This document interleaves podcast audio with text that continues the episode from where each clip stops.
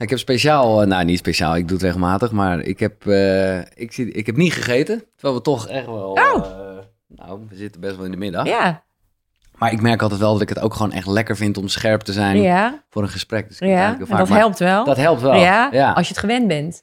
Als je het gewend Want bent, als je het niet gewend bent, dan kan het ook tegen je werken. ja. Maar je doet het vaker dus. Ik doe het eigenlijk, eh, ja, zeer regelmatig. Ik moet zeggen, door mijn vriendin ben ik wel weer een beetje gaan ontbijten. Wat ik ook wel lekker vond op een gegeven moment. Dat ik wel ook wel dacht van, oh ja. Want ik had het heel lang daarvoor eigenlijk niet gedaan. Nee. En we hebben het over intermittent fasting. Eh Nanneke Scheurs is hier. Zij is orthomoleculair therapeut, voedingsdeskundige, personal trainer, yogadocente. En eh, al bijna tien jaar jouw eigen Optimal Health Studio. Ja. Eh, en wel een, nou ja, om het daar maar gelijk over te hebben, wel een, een, een vechter voor eh, intermittent fasting. Dat is wel een van de dingen wat wel, ja, wat mijn- mijn interesse heeft en waar ik al lang mee bezig ben, inderdaad. Hoe kwam het op jouw pad? Ah, jeetje, hoe is dat op mijn pad gekomen? Echt, ehm, oh, dan moet ik echt een hele tijd teruggaan. Mm. En ik was echt iemand die, ik heb altijd heel veel gesport. En ik was echt iemand die veel brood at en tussendoortjes en pasta. En ja, we- gewoon zoals we denk ik allemaal wel De opgevoed hele dag zijn. kleine hapjes, dat ja, zou het zijn. Ja, hè? veel snacks en, en vooral ja, de, nou ja, inderdaad de veel koolhydraten eten. En ik was echt iemand die niet... Ik moest altijd eten bij me hebben. Dus als Ja. ik ergens naartoe ging, dan had ik ook echt iets... reepie of ja, een reep of een zakje nootjes of wat dan ook. Ik moest iets bij me hebben. Want alleen het idee al van... oh, ik moet meerdere uren zonder eten... dan, dan ging ik al bijna van mijn stokje. En zo voelde dat dan ook. Als ik wat langer zonder eten was... dan ging ik echt een beetje shaky en Ja. hoofdpijn... en dan werd ik niet lekker. En ik ben eigenlijk altijd wel met sporten en met voeding bezig geweest. Eh, en dan denk je dat je al een hoop weet. En dan uiteindelijk kom je een beetje op dat traject van ortomoleculair. Ik denk Ja. dat het daar een beetje gestart is. Dat ik daar voor het eerst in een opleiding leerde van... Ja, als je dat hebt, dat je gaat, gaat shaken en niet Mhm. lekker wordt als je niet eet... dan ben je eigenlijk insulineresistent. En dan zit je eigenlijk continu in je suikerverbranding. En eh, als je lichaam daaraan wendt om continu in die suikerverbranding te zitten... Dan, eh, dan is heel snel je voorraadje op. Dus Ja. dan ben je heel snel, eh, ja, inderdaad, word je dan niet lekker. Dus toen begon ik een beetje te leren van... hé, hey, ik moet een beetje anders gaan eten. Niet alleen maar dat brood en die pasta en, en die repen tussendoor. Dus dan ga je al anders eten. En toen ben ik het eerst een beetje af gaan bouwen... naar eh, de tussendoortjes weglaten. Ja. En dan leer je ook wel over intermittent fasting. En dat vond ik toen echt nog een soort heftig klinken. Dat ik dacht, wow... Ehm, ik weet wel dat, dat heel lang daarvoor dat ik ooit in Afrika was. Ja, En toen gingen we op safari. En eh, onze gids, die at niet. En wij hadden zo'n uitgebreid ontbijtbuffet en lunchen. En die at één keer per dag. Ja. En toen dacht ik echt, ja, dat is een soort bovenmenselijk. Weet je, dit, dit, zijn mensen die heel dicht bij de natuur staan. En ja, dat is niet voor ons weggelegd.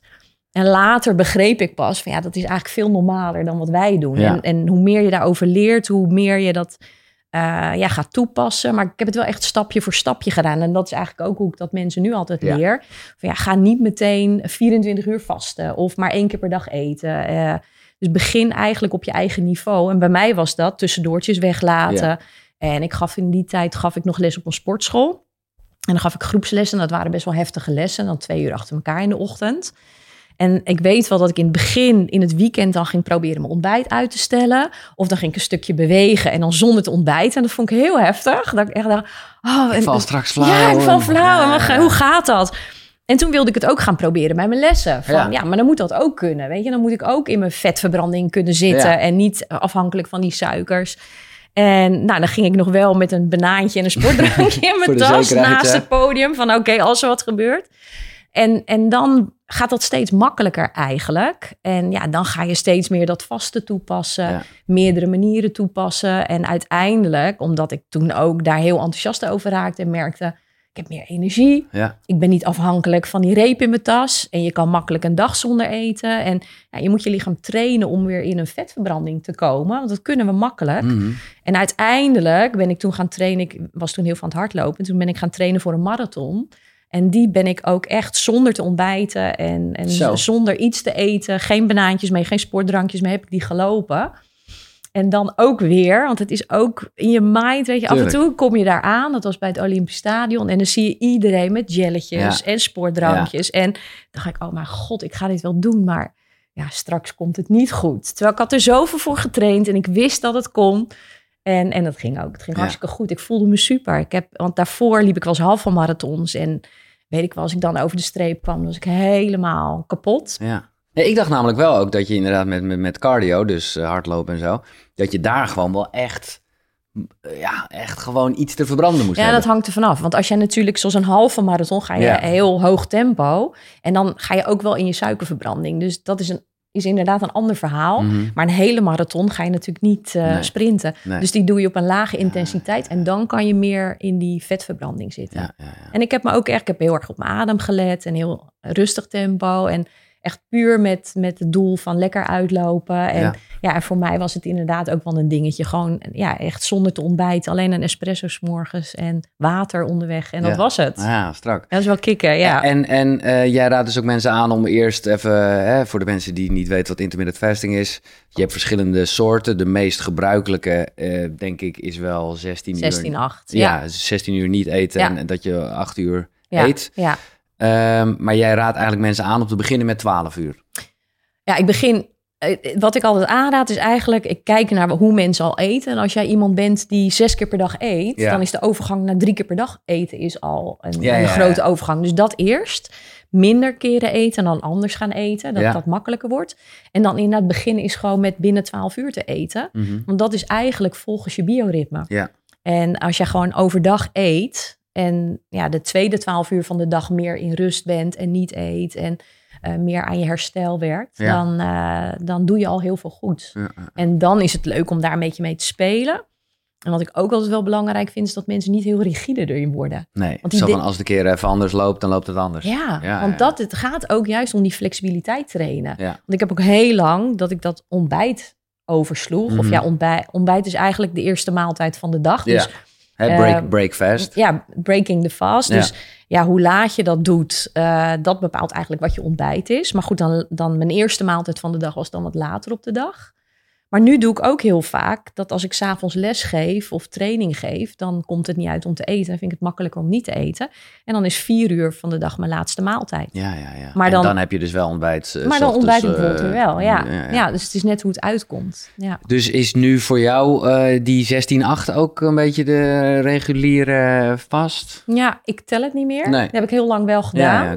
Ja, je hebt ook hele leuke appjes ervoor. Dus als mensen ermee beginnen, is dat wel heel leuk om Dat je te helemaal doen. ziet hoeveel uren... Ja, dan dat je echt kan kijken. En voor mij hielp dat in het begin ook wel van om s'avonds dan niet meer te eten. Dat ik dacht, oh nee, ik ben nu met mijn vaste begonnen. Dus Ja. dan, hou ik, dan ga ik dat niet doorbreken.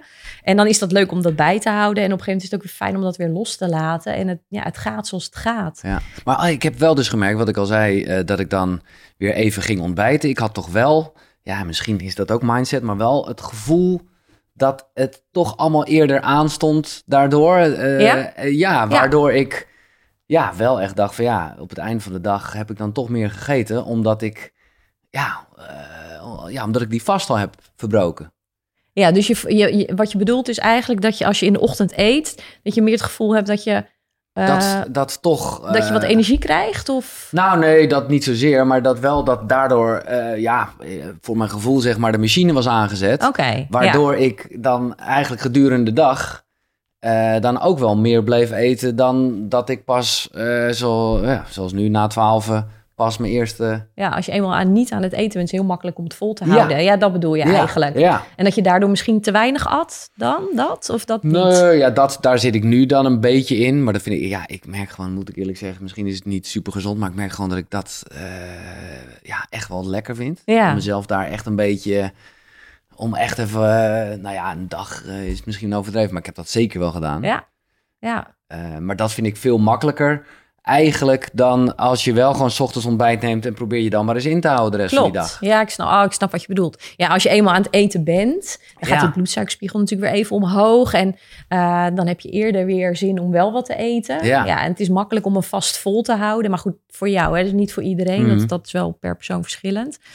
Ehm, nou ja, en wat natuurlijk ook wel gebeurt als je s'morgens begint met eten, ja, dat noem je een sidegaber. Eh, trainen en, Mhm. en voeding en licht, dat zijn allemaal sidegabers. Dus dat geeft jouw lichaam allemaal eh, het seintje van, hé, hey, het is dag. Oké, bioritme, het site als Ja, in tijd. ja, ja, oké. dus in Ja. die zin ehm, ja, is er ook helemaal niks mis mee om, om te- ja, iets te eten als je wakker wordt. Nee. en dat denken mensen dan wel vaak van, nou, ik moet, dat, moet die eerste maaltijd uitstellen.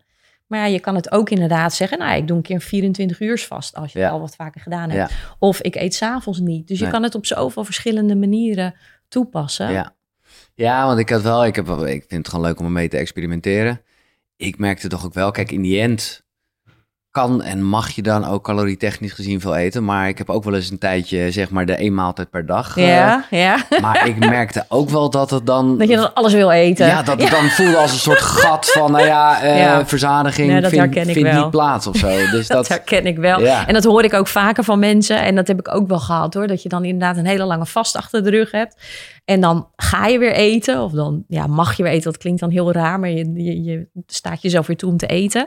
En dan wil je ook alles eten wat los en vast Ja. zit. Als je eenmaal begint. ja, dat en- is een beetje, ja, sorry. Nou ja, en dat is wel een valkuil. Want sommige mensen, dat heb ik ook wel eh, gemerkt als ik mensen begeleide. Er zijn echt wel een paar mensen waarvoor het dus niet geschikt is om Nee. intermittent fasting te doen Nee, omdat als zij al bijvoorbeeld een 16 uur vaste achter de rug hebben, dat ze datzelfde gevoel krijgen Ja. en dat ze dan eigenlijk gaan overeten. En Ja. als je dat merkt, nou, dan is het dus niet. En dat is vaak een mentaal stukje. Mhm. Eh, ja, en dan, dan moet je het gewoon niet doen. Nee, ik weet, eh, ik moet er even aan denken. En jij eh, hebt ook de recepten medegeschreven bij Faya Laurens en haar Killer Body Dieet en Ja. Vivian Reis ook. Ja, Bij Faya weet ik dat zij door Expeditie Robinson, wat toch, een, toch een hele extreme... Hè, nou ja, eh, daar, daar zit je automatisch aan de vast. Ja. Die is daarna echt eventjes in een soort gat gevallen Ja. van maar alles eten. Dus Ja. ergens het is een hele normale reactie van je lichaam. Ja. En ik sprak een soort overleving van oké, pak wat je pakken ja, kan. ja, ja, want er was schaarste. Mhm. Nu is er weer iets. Dus dat is inderdaad een, een hele normale reactie. Maar is het dan niet gevaarlijk om, eh, om, om daarmee te spelen? Omdat je dat misschien helemaal van slag eh, brengt? Mm. Nee, nee, nee, nou, nee, dat zeker niet. Maar als je merkt dat het voor jou een trigger is, en dat kan mentaal zijn. En bij Ja. Faya is het natuurlijk een ander verhaal, omdat ze echt heel lang in de schaarste heeft gezeten Ja. bij Robinson. Dus En dat ik- is dan wel gevaarlijk eigenlijk. Eh nee, nee, niet gevaarlijk. nou ja, het maar is ja, bij haar wel misgegaan. Ja, dan ga je natuurlijk wel weer de andere kant op, inderdaad. Dus dan is het wel de kunst om dat weer Oh, uiteindelijk ga je die balans wel weer terugvinden. Maar ik sprak laatst ook iemand en die had ook een ultraloop gedaan in de woestijn in Marokko. Vier dagen lang en dan ook iets van 160 kilometer gelopen. En hij zei, vertelde hetzelfde, dat hij terug was gekomen. Hij zegt, ik heb wekenlang, ik wilde alleen maar eten. Ja, Alles eten. Ja. Zo'n gevoel van, ik moet weer. Dus ja, het is een soort overlevingsmechanisme wat heel logisch is. En ik denk als je aan intermittent fasting doet, ja, ken jezelf, luister naar je lichaam. ja. Ja, en, en iedereen heeft een, een andere grens. En ik denk, ehm, wat ik gemerkt heb, dat de mensen die daar moeite mee hebben en die dan inderdaad zeggen van, oh, weet je wel, ik, ik ga overeten als Mhm. ik wel weer mag eten. Dat waren ook wel vaak mensen met een, ja, een beetje een vreemde verhouding met voeding. Ja, ja, ja. Dan kan je beter daar eerst aan gaan werken. ja. Ja, Nee, is oké, dat is goed dat je het zegt. Want ik denk dat er wel meer mensen dan wij denken misschien zijn die... Nou ja, misschien is, hebben we allemaal als mensen wel een soort vreemde verhouding met voeding. ja. Dood eenvoudig, omdat wat je in de supermarkt Ja, ziet gewoon door gek- onze omgeving. gekke producten zijn. ja Maar het is wel goed dat je zegt dat op het moment dat je juist te veel of te weinig eet, dat, dat het misschien niet helemaal het moment is. Ja, en ik denk dat sowieso ehm intermittent fasting is heel leuk en heel goed. En ik denk ook omdat je nabootst hoe we eigenlijk altijd geleefd hebben. En nu hebben we altijd overvloed. Ja. Dus je wil eigenlijk ook af en toe wel die schaarste creëren. Mhm. eh, omdat dat gewoon beter is voor ons lijf. Ja, even voor de duidelijkheid, het is goed voor vet, voor gewicht, voor je spieren. eh, nou ja, je, je, je voelt je fitter. Voor je hormonen, ontsteking, immuunsysteem, anti-aging en je hersenen. Ja. Wat is er goed? Ja. Je hersenen blijven gewoon scherp of zo. Ja, nou ja, wat je net al zei, hè, je voelt je scherper. En Mhm. dat klopt. Op het moment dat, jij, dat je lichaam bezig is met, met voeding verwerken, ja, dan is het gewoon even druk met iets anders. ja. Hangt het er ook wel vanaf wat je gegeten hebt. Maar als je echt een langere periode aan het vasten bent, of langer, maar stel dat jij eh, een vroege maaltijd s'avonds hebt gehad en je eet wat later de dag daarna. Als je dat wat vaker doet en je lichaam went daar een beetje aan, dan gaat hij wat beter in een vetverbranding zitten. Ja. En dan ga je ook ketonen, ketonlichaampjes produceren. En dat is een hele fijne, schone brandstof voor je hersenen. Eh, dus Hmm. ja, het heeft zoveel voordelen eigenlijk. Ja. Plus ook, ja, nou ja, je noemde al net een heleboel dingen hoor. Maar het is inderdaad, het is eigenlijk te veel om op te noemen. Maar we zijn gewoon niet gemaakt om de hele dag voeding te verwerken. Nee. Want dat is één van de taken die het lichaam heeft. Maar er zijn ook nog heel veel andere taken. En alleen al voor je darmen bijvoorbeeld. Ja. Die moet je af en toe even rust geven.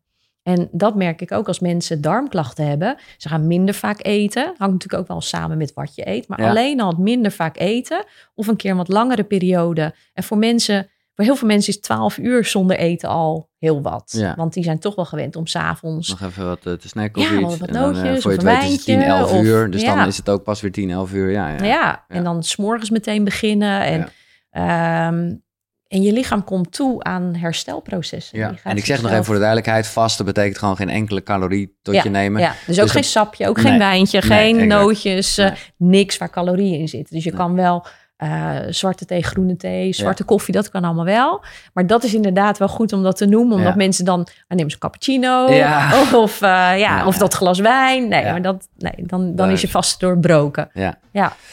Ehm, eh, wat ik wel, ja, je, je zegt ook het moet bij je passen. Dat ben ik blij dat je dat herhaalt. Want eh, Vivian Reis, hè, voor wie jij dus ook geschreven hebt, die zat hier aan tafel. Die was best wel mm, behoudend en best wel stellig in het feit dat voor veel vrouwen in ieder geval, hè, zij is natuurlijk voornamelijk bezig met de hormonen en toestanden, Ja.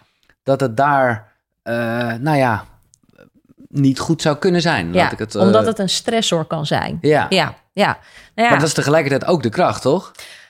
Ja, en dat is eigenlijk met alle stressoren die je wil toedienen. Want intermittent fasting is er eentje. Dus hè, even, even een tijdje niet eten. Maar bijvoorbeeld koude training is, is een andere. En Ja, zo heb je... We gaan ze straks even allemaal doorlopen. Oké. hoor. Ik vind dit, want dit is, dit is, Ja. dit is interessant. Dat is heel interessant. En zo heb je meerdere ja, natuurlijke prikkels... Waar, waar je eigenlijk een kortdurende stressprikkel eh, toedient aan je lijf. En ehm, dan ga je het hebben over hormetische waarden. Alles heeft een hormetische waarde. Eh, en ja, dan heb je zo'n uitspraak van de dosis bepaalt of iets giftig is of niet. En dat is met water, want we hebben water Ja, nodig. Maar, te veel te veel, water, ja, dan, kan je watervergiftiging krijgen. Zuurstof, precies hetzelfde. En ehm, voor alles heb je een hormetische waarde. Dus dat is een waarde die, ja, waarbij iets goed voor je is. Mhm.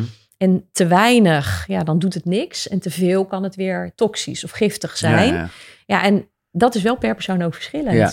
En dat hangt allemaal samen. En, en vrouwen inderdaad, eh, ja, die, die al inderdaad in de overgang, eh, naar de overgang toe gaan bijvoorbeeld. Ehm, dan moet je uitkijken met ehm, ja, dingen die eh, ja, stress geven, te veel stress Ja, geven. maar je moet het ook wel weer prikkelen, denk ja, ik. want je wilt te weinig stress is ook niet goed. Nee, Nee, want dat is nou juist het grote probleem hier in de maatschappij. Dat de meeste mensen eigenlijk te weinig stressprikkels hebben. ja. Waardoor we ongezonder worden. En ehm, dus ja, dat is de kunst. Nou ja, ik denk genoeg stressprikkels op een andere manier. eh, Ja. Qua Inderdaad. telefoonprikkels ja, en ja, ja, negatieve stress. Maar de natuurlijke stressprikkels, die, ja, daar worden we sterker van. Maar kan je dus, ja, dat is, dit ik snap dat het bijna een soort handwerk en custom made is, maar over het algemeen, hè, wa- eh, wat je bijvoorbeeld nu zegt, dat kan een grote groep zijn, eh, vrouwen die in de overgang zitten. Kan je dan zo zeggen, dan is intermittent fasting niet of wel goed? Intermittent fasting is denk ik altijd... Nou, niet altijd, nee. Want daar heb ik net natuurlijk al de uitzonderingen Ja, genoemd. En is niet voor iedereen. Ja, nee, en, dat eh, ook ja. inderdaad. Maar ik denk dat het voor iedereen op zijn eigen manier iets kan doen. Ja, En we doen eigenlijk allemaal een intermittent fasting. Hè, want je, als je slaapt, dan, dan, dan eet je niet. ja, Eh, voor iedereen zou het goed zijn om gewoon een groot gedeelte van de dag niet te eten. Dus al doe je dat maar in die 12 uur, 12 uur. En dat kan voor mensen al een hele uitdaging Ja. zijn. Voor mij is 24 uur vasten is niet een hele grote stressor. nee. Maar ook, voor een ook ander... omdat je door training... ja, door ja, training. Want als je dat 15 jaar geleden bij mij gedaan zou hebben... of 20 jaar geleden... dan zou het een hele grote stressor geweest zijn. Ja, ja, ja. Dus ik weet wel dat ik eh, vorig jaar was ik in de Ardennen voor een opleidingsweek. En ehm, dat was ook een van de dingen. Ze vertellen niet aan je van tevoren wat er gaat gebeuren.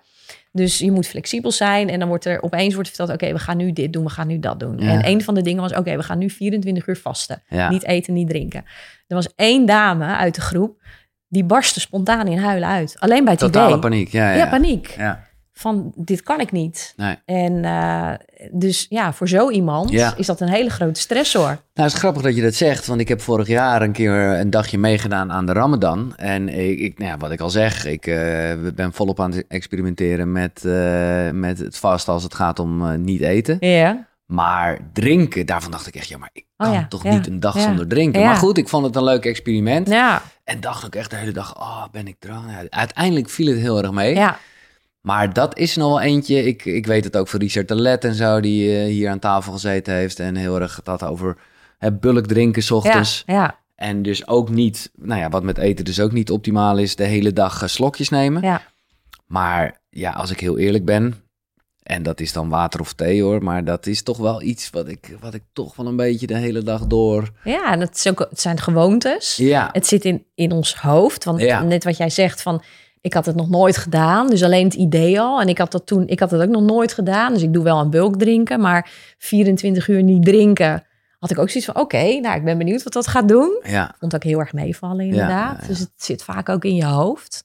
En net zoals inderdaad die ene dame die spontaan begon te huilen. ja. Ja, het is gewoon puur het idee. Heeft ze het eh, gehad? Ja, zeker. Ja. Ja. dat ging hartstikke goed. Ja, En dat viel haar ook uiteindelijk, viel het mee. Je trekt elkaar er ook doorheen natuurlijk. ja. En, eh, en het, dat is goed ook. Weet je, je moet ook af en toe even een grensje over en weer even, ehm, ja, weer even geprikkeld worden. En ik denk dat we dat allemaal gewoon veel vaker moeten doen. Jezelf weer eventjes uitdagen. En Nou ja, precies. We gaan het straks hebben over jouw laatste boek, Fit Fab 40. In 10 stappen de fitste versie van jezelf. En dat is dan met name voor 40 plus. Eigenlijk is jouw boek ook met name voor vrouwen, maar ik heb ja, toch ook een eigenlijk is het voor uit- iedereen Ja. leuk. Ja. De, de, ik maak natuurlijk af en toe zo'n zijsprongetje naar wat vrouwelijke hormonen. ja, maar verder eh, is het eigenlijk voor iedereen heel leuk. Maar Jong, eerst nog even die, die, die, die stressoren, want je noemde er al een paar. Ehm, nou ja, we hebben het gehad over, over het eten en drinken. Ehm, nou ja, de, de, de koude douche. Ja, ja Eh, eh, koude training. ja. Maar ook weer hittetraining. Ja, Ja. Maar wat is hittetraining dan? Is ja dat echt, eh, hittetraining dat is, niet natuurlijk iets lastiger. dingen, toch? Nou ja, ik denk het wel. Ja, Ja, ik heb nog nooit in de zweethut Nee. gezeten, maar ik stel me een beetje voor dat het qua temperatuur sauna is bijvoorbeeld. Ja, maar wel wat. Het is met name, kijk, qua temperatuur valt het dus wel mee.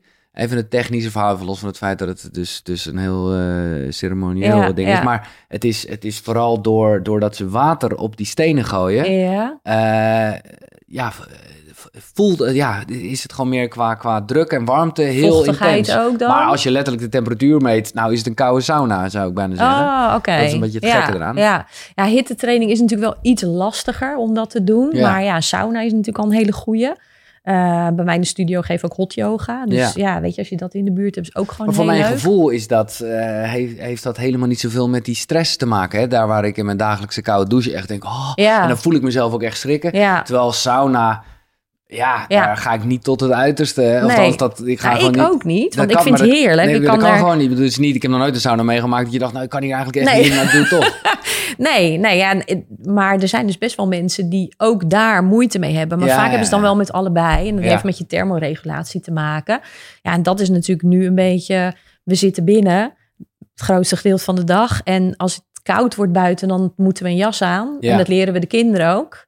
Heb ik wel een hele leuke discussie ooit, want ik heb drie kinderen, een discussie ooit gehad met de, met de juf van een van mijn Want kinderen. jij zegt, ik geef geen jas. Ze- ze- Nou, ik, ik heb ze altijd opgevoed van, joh, weet je, als jij het niet koud hebt, eh, Nee. hoef jij geen jas aan. Ook al is het winter. En heel vaak liepen ze dus inderdaad, nou, mijn oudste liep het hele jaar door op slippers, op korte Ja, broek. ja, ja.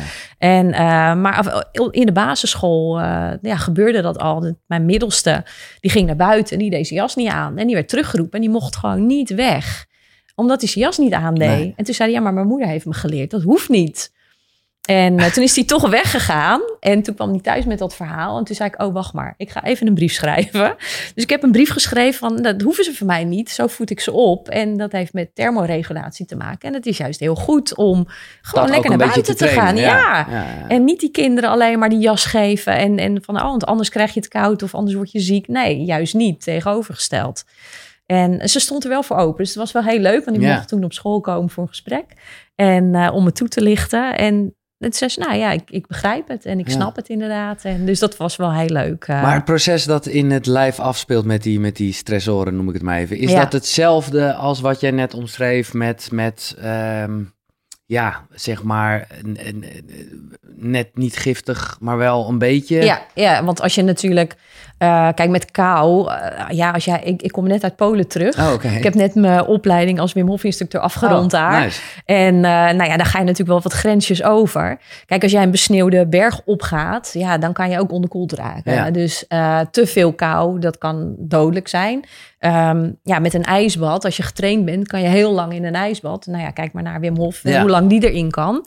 Kijk, als ik zo lang in een ijsbad ga als hij, dan is het voor mij, zou het ook Ja. afgelopen zijn. Maar het is de hele tijd een beetje die grens opzoeken. Ja. Maar dan krijg je ook letterlijk wel een beetje van dat gif. Moet ik het zo zien? Ja, zeker. Want eh, eh, onder de 16 graden heb je al eigenlijk een positief effect van koude training.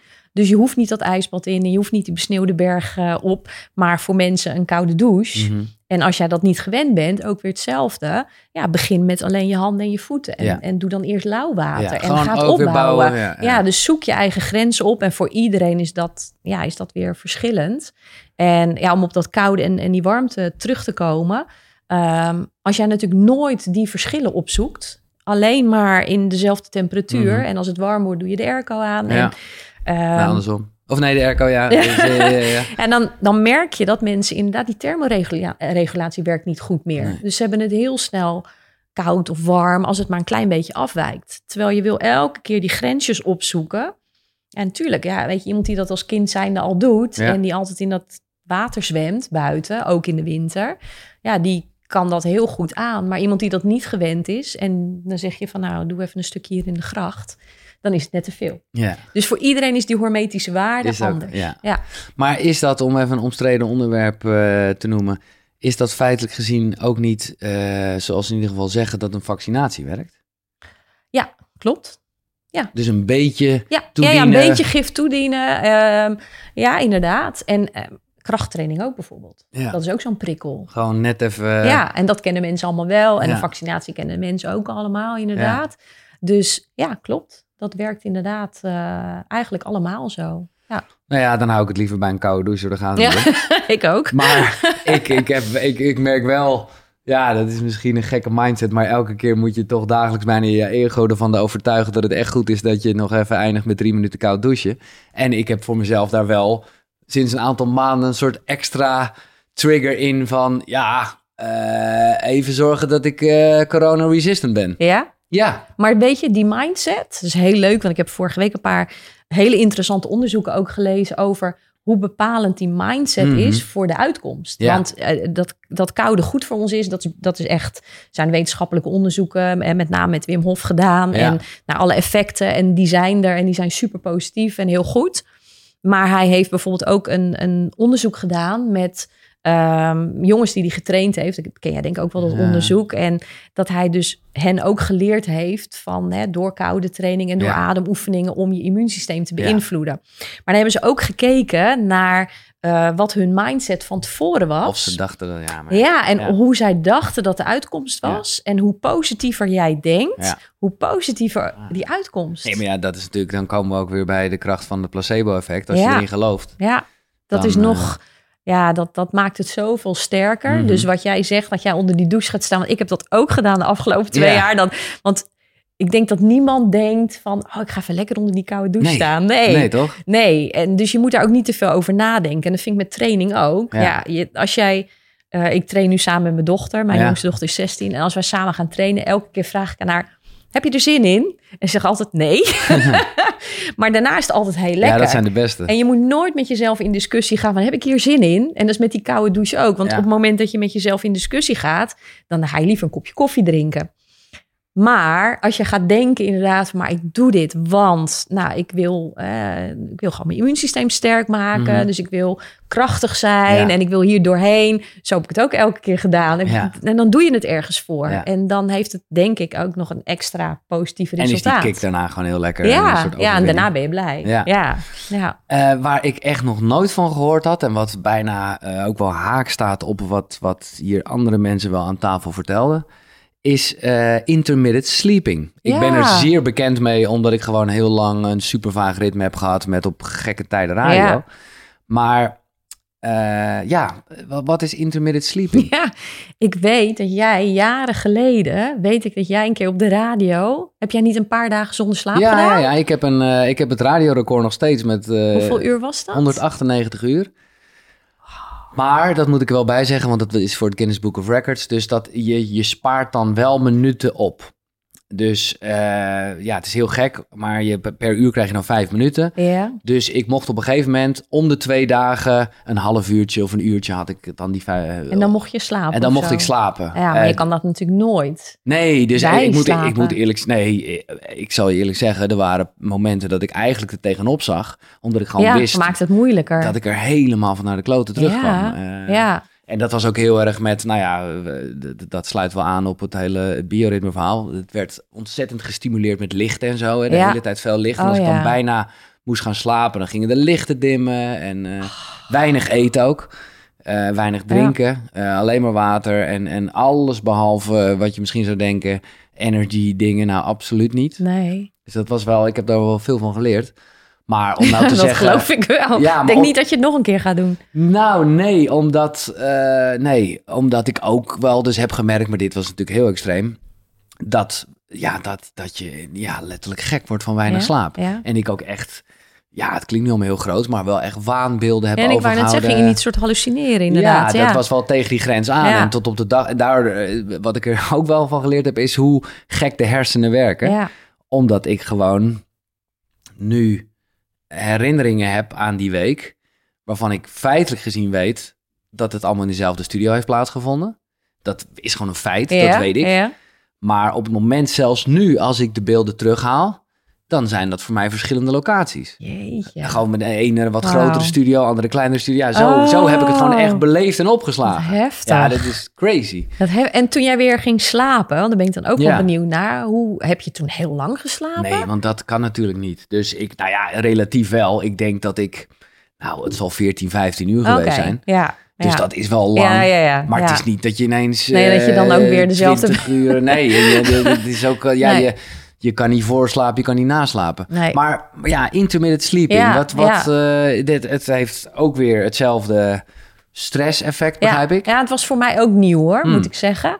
Eh, dat was eigenlijk diezelfde week vorig jaar in de Ardennen van mijn opleiding. Oh ja, dat zat erbij ook. En toen werden we dus ook s'nachts wakker gemaakt, inderdaad. Van, eh, nou ja, en, en toen kregen we dus een les over intermittent sleeping. En daar zijn dus onderzoeken naar. Dat je kan eigenlijk een soort je klok resetten. Het is eigenlijk een soort reset. Ja. En ehm, kijk, slaapdeprivatie, wat jij gedaan hebt, ja, dat is gewoon echt niet goed voor Nee. je. Heb je het boek eh, Sleep van Matthew Zeker, Walker ja, ook ja, gelezen? Ja, Ja, ja, dat vind ik ook echt, nou ja, dat, dat is zo interessant. Oh, zo en, en slaap is eigenlijk ook wel heel erg onderschat door Ja. mensen, omdat het zo belangrijk is. Want in je slaap detox je eigenlijk ook je, je brein en je Ja. hersenen. Ja. Dus je hebt dat zo hard nodig. Ja, nou ook voor spierontwikkeling. Daar- Zo, kwam, zo kwam ik eigenlijk achter dat ik op een gegeven moment echt be- goed bezig was met mijn voeding. Als een malle aan het trainen. Maar- Dat er eigenlijk weinig gebeurde. En dat mijn trainer zei, maar slaap je wel genoeg? Ja, ja als je te Eh. weinig slaapt, dan gaat je lichaam meer vet opslaan. Ja. En maak je geen spiermassa aan. Dus dat is. Nee, maar daarom voelt het gewoon heel Ja. erg als, daar moet je niet mee eh, Nee, nee, nee. pielen. Dus nee, je wil inderdaad. eh, Ik vind dat ook super belangrijk. En echt op tijd naar bed en een vast ritme. Want je wil jezelf heel erg uitdagen in bepaalde dingen. Maar met je, met je slaap. Daar moet je gewoon Nee. vanaf blijven. Ja. Tenzij je dus al inderdaad eh, daar problemen mee hebt. Ja, ja. En dan kun je daar dus een soort reset mee, ehm, ja, mee, mee doen. Door of de hele nacht door te halen. Mhm. Of midden in de nacht op te staan, jezelf bloot te stellen aan licht en dan ook niet weer te gaan slapen, maar echt die nacht door te halen en dan weer het ritme op te pakken. ja, ja, dus dan even En- die dag doortrekken. Ja, Wat je moet doen als je gevlogen hebt, zeg maar. ja, eh, ja want ik heb zelf ook een tijdje gevlogen als Ja, stewardess. Ja. En dan weet ik ook wat jij, wat jij zegt van ik ga hallucineren, dat Ja. herken ik. ja. Als je inderdaad op een gegeven moment echt ja, gewoon een nacht Ja, doorgehaald ook hebt. weer, wat, wat, wat ook met het eten is, ook weer eh, in eerste instantie een bepaalde scherpte, hoor, moet ik zeggen. Misschien is, denk je dat, maar is het niet zo. Dus ik raad het ook zeker niet aan om mensen met weinig slaap in de auto Nee, te nee, zetten, nee, want dat is soms bijna erger dan eh, met drank op, ja, of minstens klopt, erg. denk ik ook. Ja. Maar ik weet wel, ja, van, van, van radioshows en zo, dat als ik echt veel geslapen had, ja, echt een beetje als eten, dat je gewoon Ja. bijna allemaal nog Ja. moest verwerken. Terwijl als je weinig geslapen had, kan je inderdaad ja joh. Ja, kan je een soort helemaal hyper worden inderdaad. Ja. ja, ja. Maar ja, nee, ja, dat, dat intermittent sleeping, maar dat, ja, dat, dat is echt een tool. Ja. Als je al problemen ja, hebt. precies. Dat is ook niet iets wat je in een regulier... Dat is niet... eh, Nee, ik doe dat niet. Niet dat ik dat één keer in de Nee. week eh, ga nee, doen. want dat is nog wel even goed om te zeggen. Dat, dat, dat bioritme, je, je zegt het al een aantal keren... Hè, met, met, met eh, hoe heet het weer? Cardiaanse, hoe heet het? ja, circadiaanse circadiaanse ritme. ritme, Dat ja. is echt je basis. Dat Ja. is echt eigenlijk hoe je je, je dag- en je nachtritme, je, je, je activiteiten en, en je rustmomenten, hoe je dat in wil delen. Die dag, die eerste twaalf uur nadat je wakker geworden bent, dat is gewoon, daarin ga je trainen, Ja. eh, werken, achter Ja. je computer, op je telefoon, eten. Eh, en die tweede twaalf uur, en daar missen we heel vaak de balans. Die tweede twaalf uur is zo belangrijk om tot rust te komen. Ja. Niet meer die felle lichten. Nee. Eh, wel gewoon een goed gesprek. Ehm, ja, maar geen, ook niet een hele zware workout. Want dat zie je ook wel. Dat mensen dan zijn, hebben ze een hele drukke baan. Ja, En dan zijn ze overdag al helemaal in ja dan die gaan ze ja, ja. modus, in die actiemodus. En dan gaan ze s'avonds nog eens heel sporten. En dan krijg je op een gegeven moment, ja, dan raak je opgebrand. Ja. ja. Bestaat er ook iets als intermittent plassen? Intermittent plassen. Nee. Ja? Nee? nee. Nee, ik dacht misschien, eh, ja, ik zou de uitdaging ook niet aan kunnen gaan. Maar dan zou, je heel lang je plas op moeten houden. Misschien is het goed voor je Nou stress. ja, dat schijnt wel dat, dat, je, dat je af en toe even ophouden. Dat is wel een Nou, goede precies. training inderdaad. Ik ben het aan het maar... trainen, maar eh, je snapt, ik, eh, ik maak er even gebruik van. Ja, en dan gaan we het zo echt hebben over jouw Fit, fit Fab 40. ja. Mooi nou ja, we hebben natuurlijk al een paar dingen veel al genoemd. besproken, maar, maar... het is gewoon zo lekker. Je hebt 10 punten, eh 10 stappen de fitste versie van jezelf. Ja, En, lekker duidelijk. ja. Ja. Ja. Ik vind het zo leuk, Nanneke, want ehm, ja, het is gewoon lekker een, een heel overzichtelijk onderwerp bijna met nog steeds heel veel meningen. En daar komen we ook nog zeker op terug als we het meer over het eh, vegan eh, gedeelte gaan hebben. Nou ja. Maar eh, ja, Koekeroe gaat over zelfontwikkeling en spiritualiteit. En eigenlijk de laatste tijd had ik een beetje, omdat ik daar wel gesprekken over gehad heb, de dingen als, als voeding, beweging en slaap een beetje laten liggen. Ook omdat dat, ja, op een gegeven moment weet je dingen. eh, maar door jouw boek, ik ben eh, zelf ook eh 44, dacht ik toch, oh ja, ik vind dit wel even lekker. Want eh FitFab 40, het is echt zo dat, je, dat het anders werkt als je boven de 40 bent. Ja. Ja? ja. Vind jij niet? Nou ja, ik Ja. weet het. Ik heb ooit vrij geforceerd een road to sixpack gedaan. Waarbij ik op een gegeven moment had besloten, ik moet een sixpack. Dus nou ja, dat is nog best wel, eh, of nou best wel, dat is, dat is heel erg achteraf gezien de start geweest van Koekeroe. Want ik zat toen niet zo lekker in mijn vel. Ik wist niet wat ik daarmee moest doen. Dus ik, maar ik kreeg ook een buikje. Daar wist ik wel wat ik tegen moest doen. Ja. Dus ik ging letten op mijn voeding en een beetje sporten. Maar ik had gewoon heel erg een doel nodig. Eh, nou ja, en dat werd heel erg geforceerd, terug geef ik onmiddellijk toe. Maar dat werd die sixpack. Oh, wat leuk. Ja. En dat was leuk, was, ik heb er veel van geleerd. En, eh, maar ook wel dat anderen zeiden, joh, als je, als je dit wat je nu doet had gedaan op je twintigste of dertigste, Ja. dan had je me daar een goddelijk lijf gehad. En bedankt. ja, maar dat was ook dan weer wegens hormonen of shit, eh, was ja, het gewoon... Nou ja, eh, ja, kijk, eh, ja, al uiteindelijk als je na je 35ste, voor je 35ste hebben we meer spieropbouwende cellen. En na je 35ste is die afbraak gewoon wat makkelijker. en je herstel duurt langer. Dus ja, je moet er wat harder voor werken. Maar ja, dus tegelijkertijd vind ik ook wel juist het leuke. mhm. En ehm, ik, ik noemde jou die, die podcast hè, van Rich Roll. Ja, dat zei je van tevoren, ja. En hij is een ultraloper. En hij is nog op zijn veertigste, geloof ik. Wat is een ultraloper? Een ultraloper, ja, dat is iemand die... Niet normaal eh, veel. Ja, dat is niet normaal. Nee, die verschillende marathons achter elkaar Ja, doen. En ja, hij ja, deed dan ook nog eh, van die triathlons. En dan meerdere dagen achter elkaar. Nou ja, bizar. Ja, ik vind dat altijd heel intrigerend. Ja. En eh, ik vind dat heel leuk.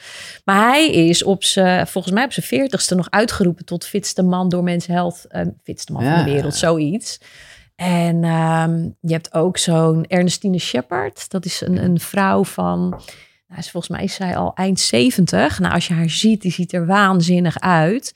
Eh, die is, geloof ik, op haar vijftigste of zo begonnen met krachttraining Ja. of 45. Ja. En ja, dat inspireert mij heel erg. Want tuurlijk, als je jong bent, nou ja, als, ik, als ik zelf ook zie wat ik allemaal deed, eh, ja, op, zo rond je twintigste. Mhm. Maar tegelijkertijd ehm, is het niet zo dat als je ouder wordt, dat je, dat je dan afgeschreven bent Nee. of zo. Nee, en nu Maar je moet er misschien wat meer voor doen. Maar, Ja. die maar de voldoening is ook groter. En het heeft denk ik ook een andere dimensie. Wat jij Ja. zegt, hè, je begon ooit, ik wil een sixpack. Ja, Maar als je wat ouder wordt, dan weet je ook, ja, daar gaat het helemaal niet om. Nee, Dus- maar goed, ik was toen al, dus zo lang is het nog niet geleden. Dus ik was, maar het was gewoon even. Kijk, dan komen we bij eh, de, de, de eerste van de tien punten. Hè, jouw tien stappen naar de fitste versie van jezelf. Waarbij, nou, de fitste versie van jezelf al lekker relatief is. Ja. Eh, want dat is ook gewoon ja, wie je bent. Niet, die- nou, ja. Want het eerste punt is mindset, motivatie, doelen. ja, daar begint het mee. En daar eindigt het ook mee. En eigenlijk eindigt het niet, want ja, het is gewoon iets waar je altijd mee bezig wil blijven zijn met, Ja. met de gezonde en de fitste versie van jezelf. Dus dat is nooit klaar. Maar ik vind dus wel, want eh, het was wat geforceerd en in die end kwam ik erachter dat een sixpack ook vooral eh, ja, uiteindelijk wel heel erg gaat om gewoon, nou ja, eh, een calorietekort hebben, Ja. bijna tegen het ongezonde aan. Ja. Of misschien is het eigenlijk wel ongezond, want anders zie je het niet. Eh, maar nou ja, goed. ook dat zou eigenlijk dan weer intermittent moeten zijn. Ja. En niet iets wat je het hele jaar nee, door... precies. Dus over de periode. Ja, Ja. mooi. Maar het was wel een lekker doel. En bij alles wat ik deed, of juist niet deed, wist ik gewoon heel erg, ja. Ik, ik, wil, ik wil dat. En nu, ja, ik vind, kan je zeggen, oké, nu is het doel de fitste versie van jezelf. Dat is ook wat het een beetje is. ja, Maar het is wel minder concreet. ja. Nee, dus daar moet je voor jezelf alweer Ja. een doel aan hangen Maar eigenlijk. zou je van mezelf, eh, want ik zit daar best wel mee. eh, en ik sport nog steeds graag, ik ben daar nooit meer mee gestopt. En het is nu allemaal veel meer in balans.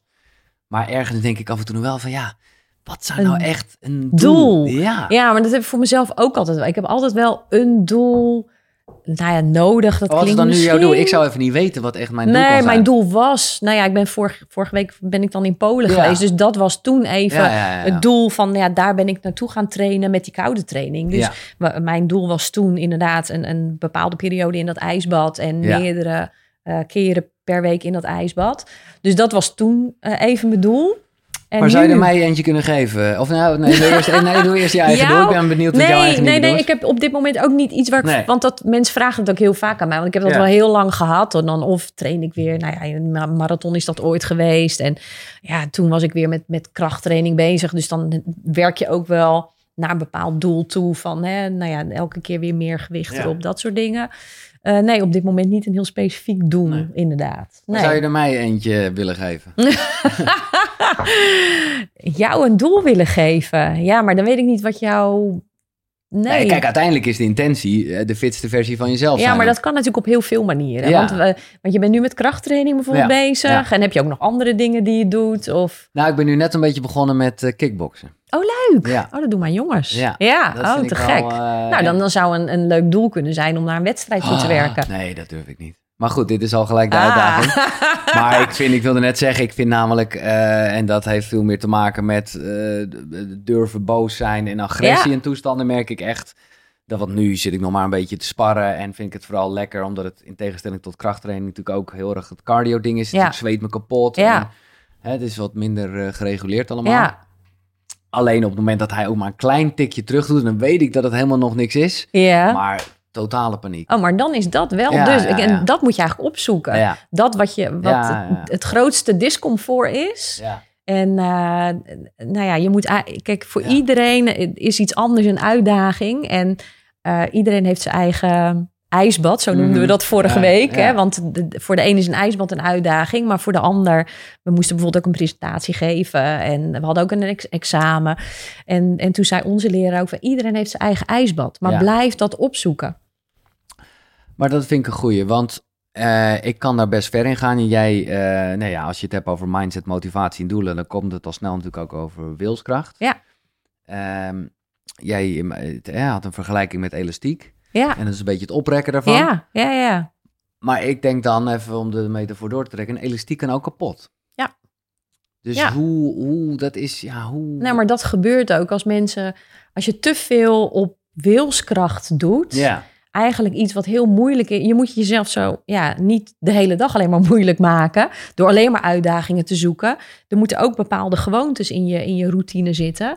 Ehm, en dat merk je met voeding heel vaak. Ja. Dat, dat mensen, als ze dan inderdaad bijvoorbeeld gewicht willen verliezen, of ze vinden het lastig om, om gezond te eten.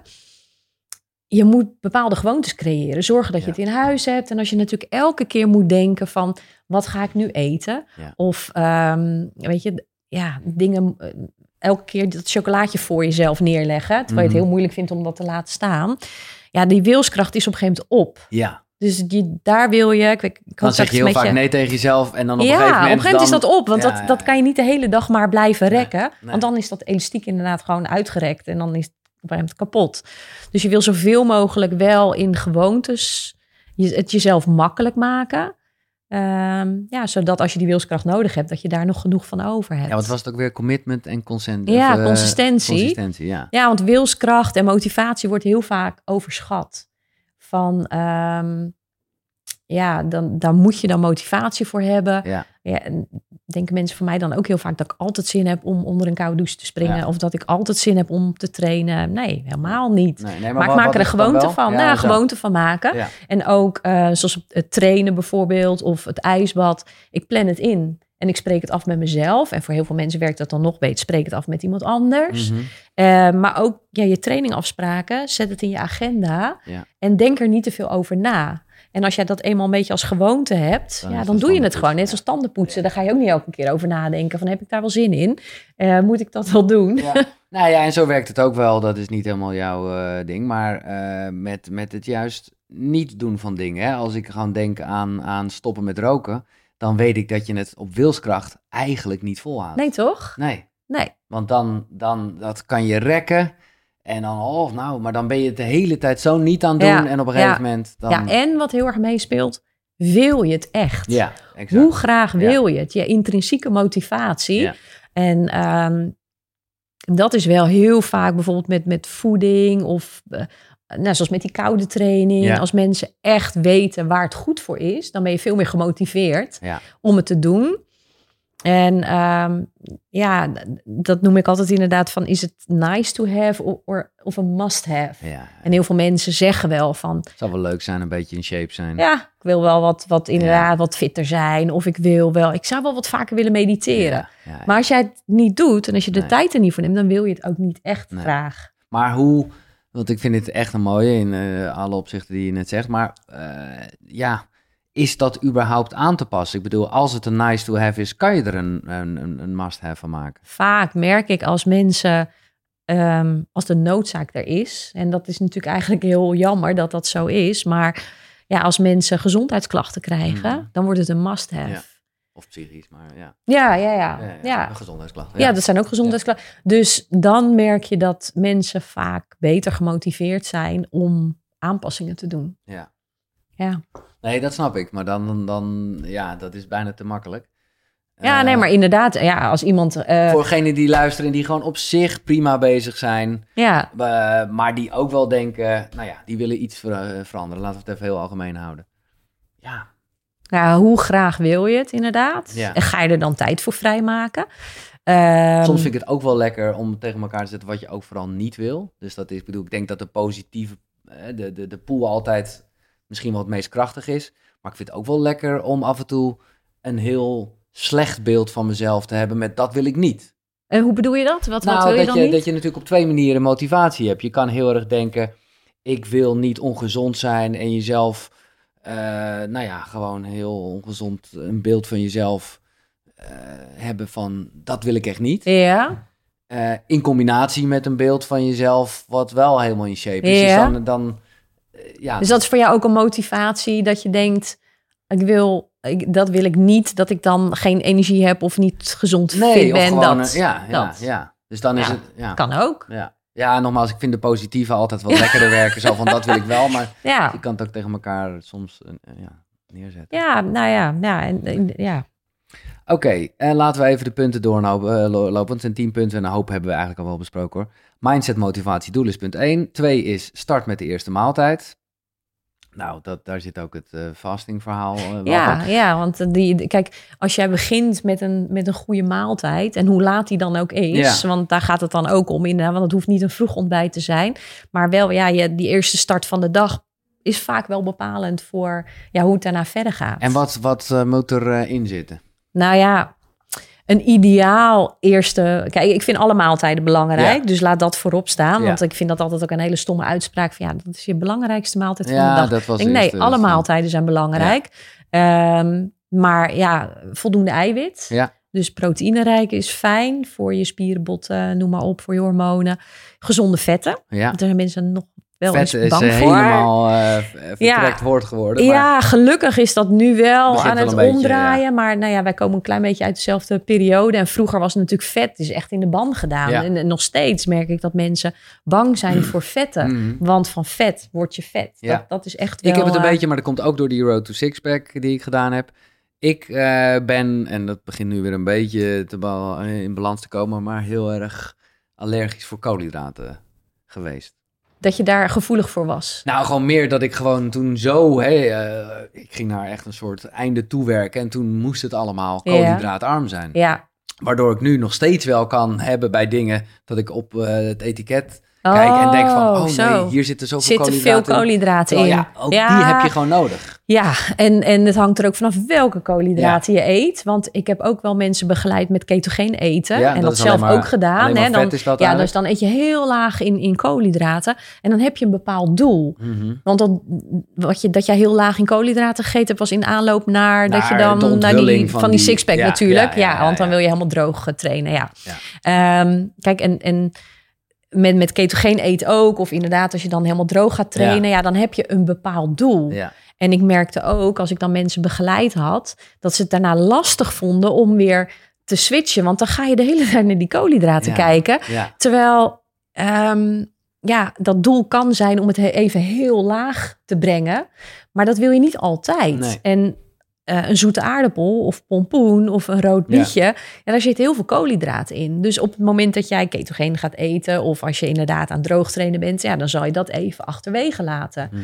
Of een banaan. Ja. Eh, maar dat is niet wat je de rest van Nee, het jaar wil doen. Dus daar moet je wel een balans in vinden. Want welke soort koolhydraten? ehm, nou, en dat is, dat is het derde punt wat ik heel belangrijk vind van een maaltijd, is voldoende vezels. Ja. En ja, dan hangt het er ook wel vanaf waar haal je die vezels uit. En ik had vanmorgen ook weer een gesprek met iemand die zei, die had dus ook heel erg last van een schommelende bloedsuikerspiegel en dus af en toe ook dat dizzy gevoel. ja. En eh zeg nou, maar wat eet je dan? Ja, ja, Bruine boterham. een bruine boterham. Ja, ik dacht het wel, ja. Want ja, er zitten veel vezels in. ja. Eh, ik zeg ja, maar daar heb je heel erg verschil in. Dus je hebt oplosbare vezels en onoplosbare vezels. En die granen, dat zijn eigenlijk alleen maar onoplosbare vezels. Dus nou ja, dat, dat, daar is wat voor te zeggen. Maar je wil eigenlijk vooral die andere vezels... die in die groenten, rauwkost, Mhm. peulvruchten, noem maar op. En, en dat heeft een heel ander effect op je lijf... dan ja, die boterham. Daar zit zoveel koolhydraten in Mhm. en geraffineerd, want het is heel erg bewerkt, een boterham. En dat brengt die bloedsuikerspiegel in één keer heel erg omhoog. Ja. Dus ja, waar je je koolhydraten uithaalt, maakt ook wel weer Ja. een heel erg verschil. Eh, laten we eerst de tien punten, ik heb nog wel iets... eh, nou ja, nee, laten we het maar doen, dat hoort wel bij je eerste maaltijd. Daar had ik namelijk, nou ja, afstondelijk had ik wel eens van gehoord, maar de term eigenlijk niet. Adaptogene kruiden. Oh, oké, adaptogene kruiden. Ja, dat is maca en, Is en ja. ashwagandha. Weet je is dat- dat witte poeder, toch? Ja, dat is wit poeder. Oh, het is een knolgewas. Ja, ik vind het heel lekker. Het heeft Ja. een beetje een nootachtige smaak. Kijk, dat zijn allemaal kruiden die leuk zijn om toe te voegen. Maar waar je natuurlijk geen, je hebt geen tekort aan maca of zo. Dat, Nee, oké. nee, nee, je het zegt. Maar ja, die zorgen ook dat je wat beter eh, bestand bent tegen stress bijvoorbeeld. En maca is bijvoorbeeld iets wat, wat ja, eh, voordelen kan hebben voor vrouwen inderdaad met hormonale klachten. Ehm, ik vind het gewoon heel lekker ook. Ja. Maar dat zijn allemaal leuke toevoegingen. En dan heb je nog de ash, ashkawa, ash, Ashwagandha, ja. Ja, dat geeft ook energie. En, en dat gooi je dan in je yoghurtje, kwarkje, whatever. ja, ik maak zo'n smoothie bowl en dan Ja, ja, daar gooi ik het dan doorheen. Maar ook dat vind ik weer... ehm, alles, voor alles is een periode. Ja, Dus je moet niet, ja, Nee. dat vind ik met supplementen ook. Eh, en zoals met die maca ook, Ja. of de ashwagandha. Ja, dan heb ik weer een periode, dan gooi ik dat er allemaal Nee, doorheen. precies. Maar dan is het potje op en dan doe ik weer even wat anders. Ja, Oké, nou dat vind ik ook wel dat goed weer intermittent. zegt. Ja, nee, maar dat is... ja, dat, eigenlijk dat, met alles. Ja, dat is wel goed dat je het zegt. Tegelijkertijd probeer je er juist eh, heel consistent in te zijn. En voor je het weet is het de gewoonte. ja, Maar misschien moet je eh, ook de gewoonte hebben om bepaalde gewoontes weer eventjes ja, te ja. doorbreken. ja, want voor alles is weer een, een periode. En Ja. Ehm, het is ook, de, ook met dat soort dingen, met kruiden, is het ook gewoon fijn om je lichaam weer eh, af en toe te prikkelen en Ja. uit te dagen. En weer opnieuw en het weer even weg te laten en weer het opnieuw toe te voegen. En ook dat merk ik heel vaak als mensen dan, oh, dat is goed voor me, dan doe ik het altijd. Maar is er voor jou één supplement, dan noem ik het maar even, eh, wat jij wel eh, non-stop forever doet? Nou, ik vind vitamine D heel belangrijk, maar dat doe ik ook weer alleen in de winter. Ja, Want in de zomer hebben we Ja, genoeg zon, dus dan ja. hoeft het niet. Ehm, toen ik helemaal 100% vegan at, want ik eet nu wel weer vis en ei, maar ik heb Oh. echt eh, jarenlang helemaal... oh, eh, nee, ik, ik had de vegan discussie nog even uitgesteld, Oh! maar eh, nee, ik, ik was totaal 100% eh, vegan, dus echt... Nou toen was je B12 aan het... eh, B12. Ja, ja, ja. Dus dan, dan wil je wel echt B12 eh Oké, we komen terug op het vegan gedeelte. Ik wil even nog de 10 punten afmaken. Ja, Ehm, want eigenlijk liet je dat net al een beetje vallen toen we het hadden over koolhydraten en toestanden. Punt drie, meten is weten. Ja. Eh, ik heb, en ik nogmaals, ik realiseer me dat het een wat obsessieve tijd was. Ja, Maar ik moest het daarna ook wel even laten liggen. Want Ja. ik zat echt met, met eh, hoe heet, eh, die, die, hoe heet met je ding? app en... My eh, Fitness Pal, ja. weet ik wel, zo'n, zo'n, zo'n, ja, dat je alles gaat scannen en bij alles denkt, oh nee, nee, nee. Ja. Ja, dus ik snap wat je zegt, want ik heb er veel Ja. aan geleerd en het zit nog steeds in mijn hoofd, waardoor ik echt bij sommige producten nu wel weet van, oh ja, dat weet ik wel van toen. ja. Maar ik heb het ook wel weer, ik heb het ook wel Je moet het ook wel weer loslaten. Nou, want je wil natuurlijk niet Nee, eh, eten volgens een rekenmachine. nee. En, en ik bedoel, maar dat is, dat is persoonlijk, op de weegschaal staan vind ik wel helemaal, ja, het zegt me gewoon geen reet. Nee, en weegschaal zegt ook niks. Nee. Gewicht zegt ook niks. Ehm, maar het is een van de tools die je kan gebruiken om te kijken van hè, wat, wat is je progressie. Ja, Dat zal jij misschien met een zo'n calipersmeter nog of en met zo'n vet ding Ja, dat heb ik toen wel gehad, dat ze helemaal zo je vlees gaan vastpakken. ja, want dat zegt natuurlijk wat meer over je, over je vetpercentage. Ja.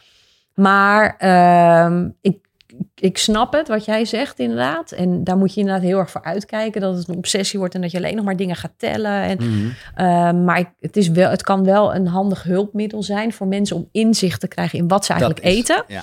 Want ehm, als, je, als het niet lukt om vet te verliezen, dan is het wel heel vaak dat mensen onderschatten wat ze eten, hoeveel Ja. ze binnenkrijgen. Of drinken, ja. Of drinken, inderdaad. ja. Nou ja, want daar zeg je een hele goeie, want alcohol is natuurlijk ook echt een, een boosdoener.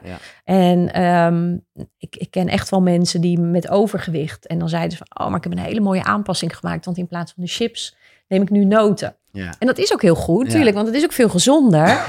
Maar als jij veel noten eet op een dag, dan zit je al, ja, dat is heel veel calorieën. Mhm. Dus ja, je moet wel volgens je caloriebehoefte eten. En, en daar gaat het vaak mis. Ja. Dus dat heb ik wel heel erg gemerkt. Als, als mensen zeggen, maar ik eet heel gezond en ik snoep niet. En, Ja. Maar ik val niet af. Nee. En ik denk dat ik dat ook in dit boek heb genoemd. Van, maar van gezond eten en niet snoepen val je niet af. Nee. Want dan moet je echt minder binnenkrijgen. Nou ja, dat heb Ja. jij toen Ja, in het extreme ervaren. Je moet minder binnenkrijgen dan dat je verbruikt. En dan moet je toch wel gaan rekenen en een keer gaan kijken van wat krijg ik dan binnen. Nou ja, en die beweging en die slaap. En beweging en slaap inderdaad. Dus er zijn nog wel heel veel factoren die meespelen. Maar mensen vergissen zich daar, daar wel heel vaak in. En als ik ze daar bewijs en ze gaan daar een tijdje mee werken. De meesten houden dat ook niet lang vol hoor. Dan is het op een gegeven moment ben je er ook wel echt wel weer klaar mee. Maar ook die olijfolie waar je in bakt. Ja. En ook dat wijntje. En Ja. ook de cappuccino. Dus het geeft vaak wel inzichten. Dus ik neem mensen. Ik deed het in het begin niet toen mensen begeleiden met voeding. Dan dacht ik ook, nee, ik wil dat niet calorieën tellen. Vind ik meten, nee, nee, vreselijk. Maar ik heb wel gemerkt dat het wel soms nodig Ja, is. Ja. Nee, dat begrijp ik. Ja. Nou ja, je noemt even, dat is misschien wel een goed punt om de. Ik, ik vond het heel tof dat je daar zelfs een soort losse pagina herinnering me aan eh, hebt gewijd. Ehm, dat je natuurlijk wel vaak hoort van mensen met overgewicht, ja, het ligt aan mijn stofwisseling. Ja. Dat is bijna nooit zo. Dat is gewoon een soort Nee. hoax. Ja, ik durf dat wel heel hard te Ja, zeggen. Want het is heel het hard, is hè? voor veel mensen is maar, het. eh, het en ik heb daar ook meerdere praktijkvoorbeelden van, van dames die bij mij zijn gekomen. Ik kan echt niet afvallen. En, en tuurlijk zijn echt wel mensen ook met eh, schildklierproblemen, Mhm. noem maar op. Maar in de meeste gevallen is het echt een kwestie van gewoon ja, meer je leefstijl aanpassen. Ja, Ja. dat ze te veel eten, te weinig bewegen. Want dat Ja. beweging is ook echt wel een dingetje. Ja, je- nou dat is je- punt 4. Hè? We, zijn, eh, we gaan eh, helemaal. Maar dat gaat goed, zit Nou, op ik zeggen. Die was voor mezelf heel relaxed. Nog even toch over die calorieën. Want ik ben dan ook wel... eh, nou ja, nogmaals, ik zeg niet dat ik er gelijk een eetprobleem aan over heb gehouden. maar eh, ja, als je even zo alles onder de loep neemt, moet het daarna weer even in balans komen. Ja. Dat hebben we al een paar keer benoemd. Ja, En ik, ik kon eigenlijk eh, tot voor kort nog ook echt wel denken... als ik dan toch even een avond vorstelijk uit eten was gegaan... dat ik dacht, oh, nou ja, dat zit er gelijk aan. oh Weet je ja, wel? ja. En ik leerde bij jou dat eh 1 kilo vet is 7000 calorieën Ja. overschot. Ja, Dus dan kan je nagaan hoeveel je daarvoor is- moet eten. Gaat is- echt niet in één etentje normaal. lukken. Nee, dat is echt niet normaal. En andersom is het dus ook zo, zo, zo eh, als je één kilo weg wil. Nou ja, daar moet je ook echt wel moeite voor doen. Ja, Dus en, en ja, heel vaak als mensen dan een etentje hebben gehad... en dan gaan ze ook op die weegschaal, het stomme ding staan... ja. En dan zijn ze er ook van overtuigd van ja, maar ik was uit eten gegaan en ik ben echt een kilo zwaarder. Ja, maar zo werkt het niet. Want je, dat gewicht is een optelsom van alles wat we zijn. Het Ja. vocht en Ja. eh, natuurlijk vet is daar één van de onderdeeltjes van. Maar ja, lang niet alles. En ah, nou ja, ik weet niet of je hou je van sushi of van Aziatisch eten. Nou, ik, de rijst eh, chop ik eraf. Maar de rest vind je dan Dat heel is lekker. dat koolhydratensyndroom Ja, ja, ja. mijn Nou, ik hou ook niet zo van rijst, want er zit verder niet zoveel smaak Nee. aan. Maar, maar ik eet dus bijvoorbeeld wel heel veel sojasaus erbij. Ja, en dat is ja, natuurlijk heel zout. Ja, En dan hou je vocht vast. Ja. Dus dat zijn allemaal dingen. eh, maar ook als je heel veel eet, dat is veel volume. Ja. Dus ja, dat zit ook inderdaad in je darmen en in je Ja. maag, noem maar op. Dus ja, dan weeg je ook zwaarder. Maar dat, dat heeft er allemaal mee te maken. Nee, ja, en, het gaat- ik bedoel, en ik denk dat het uiteindelijk als mensen daarmee bezig zijn, het voornamelijk gaat over het uiterlijk. En dan is eh, hè, het, het uithongeren van jezelf en zo, ja, je, je gaat er niet beter van uitzien. Want dat wordt allemaal een beetje... eh, Ja, ten, tenzij, tenzij je dus helemaal met, eh, ja, tenzij je dus echt met je krachttraining Ja. bezig bent en Ja. je wil dan droger worden en, Ja. en je eh, krijgt voldoende eiwit binnen. tuurlijk, Want inderdaad te weinig eten. En dat is natuurlijk een valkuil voor heel, denk vooral voor heel veel vrouwen, denk ik wel. Maar mannen misschien ook wel. Ja, dat heel weinig eten. ehm, dan ga je uiteindelijk ook je. Er is maar een bepaalde hoeveelheid vet die je kan verliezen in een week of eh, in een periode. En als je dan heel weinig gaat eten, ja, dan val je wel af. Maar je verliest ook spiermassa Ja, bijvoorbeeld. Dat. En je lichaam gaat voor mijn gevoel ook in een soort standje waarbij het allemaal sowieso wat flubberiger wordt. Ja, Eh, ja, als je dat niet inderdaad eh, ondervangt met, met training, dan eh, daar word je er niet, ga je er niet leuker uitzien. Nee. En je gaat je niet lek- lekker voelen. Dus je wordt ook niet gezelliger. Nee. En ehm, nee, Nee, punt 4 dus, beweging. Eh, nou ja, spreekt een beetje voor zich. Ik denk dat het nog goed is om eventjes, eh nou ja, in hoeverre verder het een soort versus is, maar cardio ten opzichte van krachttraining. ja. Ehm, ja. Nou ja, nogmaals, het, ik hoef niet zozeer te horen wat beter is, maar ergens ook weer wel omdat ik zelf een krachttraining doe. het is geen beter. Nee, is geen het is anders. Het is anders. En het, het, het moet ook naast elkaar bestaan. Alleen zie je natuurlijk wel heel vaak dat mensen dan op die loopband gaan staan. Dan gaan ze zich, zichzelf helemaal uitputten. Want dan denken ze, oh, dan, dan vooral met afvallen. En dan, Mhm. dan val ik wel af. Maar ja, dat is, dat is eigenlijk... Ja, als je kijkt hoeveel calorieën je daarmee verbrandt... eh, ten opzichte van krachttraining... waarmee je je spieren sterker en groter maakt... en dat je uiteindelijk in je rust ook veel meer verbrandt. Ja. Ja, als je daar de keus maakt, dan is Ja, krachttraining jij zegt, het effectiever. even, jij zegt het even snel, maar dat vind ik eh, echt wel een, een, een leuk iets. Dat als je aan krachttraining doet, dat eigenlijk die uren daarna, eh, nou ja, je verbranding Ja. nog steeds veel meer in beweging is Ja. dan, dan daarvoor. Ja, ja, als mensen vet willen verliezen, dan is krachttraining effectiever. Ja. Ja, en dat is wel iets wat, wat heel veel mensen niet weten. Eh, en die gaan zichzelf dan inderdaad uitstaan putten op zo'n, op zo'n loopband. Daarnaast is cardiotraining natuurlijk wel goed om ook ja, je hart te trainen, je Ja. longen te trainen. En daarnaast is beweging heel goed. Dus dat zijn weer ja. verschillende dingen. Ja. Dus het is niet zo van dan ga ik alleen nog maar een krachttraining doen. Maar je wil eigenlijk ook ja, bewegen en ook af en toe die hartslag omhoog brengen. Dat Ja, kan dan maar ik moet zeggen, ook. Maar dat, ja, en dat ik, vond ik heel fijn, eh, eh, en ik, ik, ik zou meer aan cardio kunnen doen, maar ik las dat als een van je tips eh, om, om zeg maar natuurlijke beweging toe te passen. ja, Eh, mijn werk, eh, radiowerk, zit op de vijfde verdieping. oké. En dan denk ik gewoon wel, Dus je hebt die trap. Ik ja. neem dan die trap. Ja, Ja. het is niet superveel. Nou maar ja. ja. het is dan in ieder geval, ik denk van dan... dan Ik weet niet hoe vaak je die trap op en af gaat op een dag. Nou ja, twee keer dus. Op, op en af. ja, nou, ik kan hem tussendoor misschien nog een keer Ja, extra dat, doen. Dat, dat, zou kunnen. ja, maar je doet kickboksen dus ook. Ja, Dus ook dat is wel cardio-training? echt cardio, Ja, inderdaad. ja, dat ja. klopt. Maar dan, daar merkte ik ook wel dat ik daar echt in moest groeien. Eh, omdat ik in het begin gewoon echt al Dat is halverwege heel de les intensief. helemaal eh, Ja, was. Zeg maar, Super intensief. Ja. Ja. Eh, beweging, dan komt voeding. Nou ja, daar, daar ja, wat ga je eten? ja. Dat hebben we het net al een beetje gehad. Nou, wat ik wel echt een mooie uitspraak vind, ik weet niet of die van jezelf is, maar eh, als training het vliegtuig is waarmee je je doel wilt bereiken, dan is de voeding de piloot.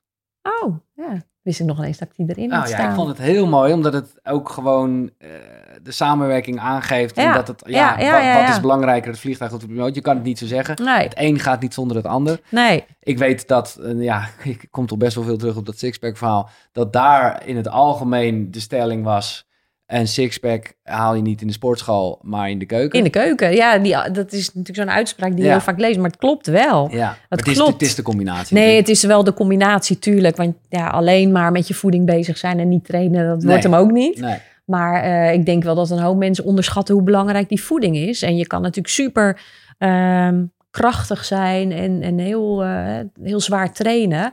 Maar inderdaad, om die spieren zichtbaar te maken, ja, dan moet je toch weer in een tekort gaan zitten en, Ja. en droog trainen. Dus Ja. ja. dat gaat altijd samen. En ook als jij ja, niet gezond eet, heb je ook de energie niet om te, om te trainen. Nee, en, nee, nee. Dus ja, het hangt allemaal met elkaar samen. Ik weet eigenlijk niet of ik die uitspraak. Ik denk niet dat ik hem zelf bedacht heb. Ik weet het eigenlijk. Ik zal hem vast wel ergens opgepikt hebben. Ik eh, weet het eigenlijk niet. Ehm, nou ja, wat nog wel goed is, want dat is een term die in spirituele kringen eh, veel valt. En, en ik vind het wel grappig dat ook jij daar, hè, van Koekeroe is heel erg het motto, wat mij betreft, alles kan je trainen. En dan heb je het op een gegeven moment over de nervus vagus. Ja, ja. Eh, nou, even first things first, wat is dat? Kende je dat al? Ja, ik ken ja, het wel, ja, ja, ja, ja. dat is een, een hele lange zenuw die eigenlijk eh, ja, van onze hersenen helemaal langs de, de, hè, door de rug, door je spijn loopt. Ja, Ehm, ja, en die, ja, die wordt gestimuleerd door onder andere zingen of ehm, nou wandelen ook, mediteren. Ja, ja. en, en die bepaalt ook eigenlijk je hartslagvariabiliteit. Ehm, ja, en daar zie je eigenlijk heel erg in, in die HRV, dus die hartslagvariabiliteit. Van ja, als je heel erg gestrest bent, dan is er weinig variabiliteit. Je Ja. wil heel veel variabiliteit. moet juist, eh, precies. Ja, en er zijn heel veel dingen die dus inderdaad een hele positieve invloed daarop hebben. En dat is ook samen zijn, maar zingen bijvoorbeeld. ehm, Mhm. Maar dit, eh, want daarom staat het ook in je boek, dit is dus los van, ja, dat, dat staat dus niet los van elkaar, maar los van het feit dat dat heel belangrijk is voor je mind, zal ik maar even Ja. zeggen, zeg jij dus ook, dat heeft ook weer te maken met het hele proces van, nou ja, wat je doel is, eh, fitter worden in ieder geval. Ja, dat hangt heel erg met elkaar samen. Ja. Ja. Ja, wat dat betreft is het eigenlijk die nervus vagus staat voor mij wel een beetje symbool voor het contact eh, tussen je brein Mhm. en body. Dat, Ja. dat, Maar ja. zou je dan kunnen zeggen dat als je niet lekker in je vel zit, dat je helemaal niet kan afvallen? Ehm, ja, ik weet niet of je het zo stellig kan zeggen, maar ik geloof wel inderdaad dat dat zou kunnen. Dat het effect heeft in ieder geval op... Ja, absoluut. Ja. absoluut. En wat niet wil zeggen als jij niet lekker in je vel zit, dat je dan nooit af kan vallen. Dat niet. Maar het hangt allemaal zo met elkaar samen. Je mindset, je lijf. Ja. Ja, het is één. Dat, dat, Ja. is, dat is gewoon, staat zo in. En ja, ja, een van de boeken die ik mee heb Oh ja, genomen. Ja, dat, Is ook, dat is ook een boek van een, een yogaleraar, Eddie Stern. En hij is een hele bekende Ashtanga-yoga-leraar. Ja, Eh, het leuke van hem vind ik dat boek, dat, dat heet One Simple Thing. En dat gaat over de science van yoga. En het grappige is natuurlijk dat we eigenlijk heel veel van nature weten. Als we kijken naar de natuurvolkeren, en, maar ook in de yoga, dat bestaat natuurlijk al zo lang. We weten eigenlijk instinctief heel veel, ja, maar het moet altijd bewezen worden. ja, ja, dat En wel. dat is natuurlijk een beetje van, van deze tijd. En Ja. ik, ik vind dat ook altijd heel leuk. En hij heeft ook inderdaad gekeken, wat gebeurt er nou in yoga?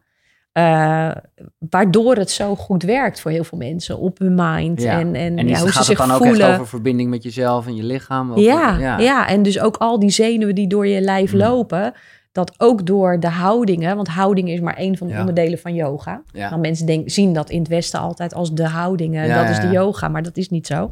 Dat heeft ook met je adem te maken. Dus Ja. adem heeft daar heel, speelt een hele belangrijke rol daarin.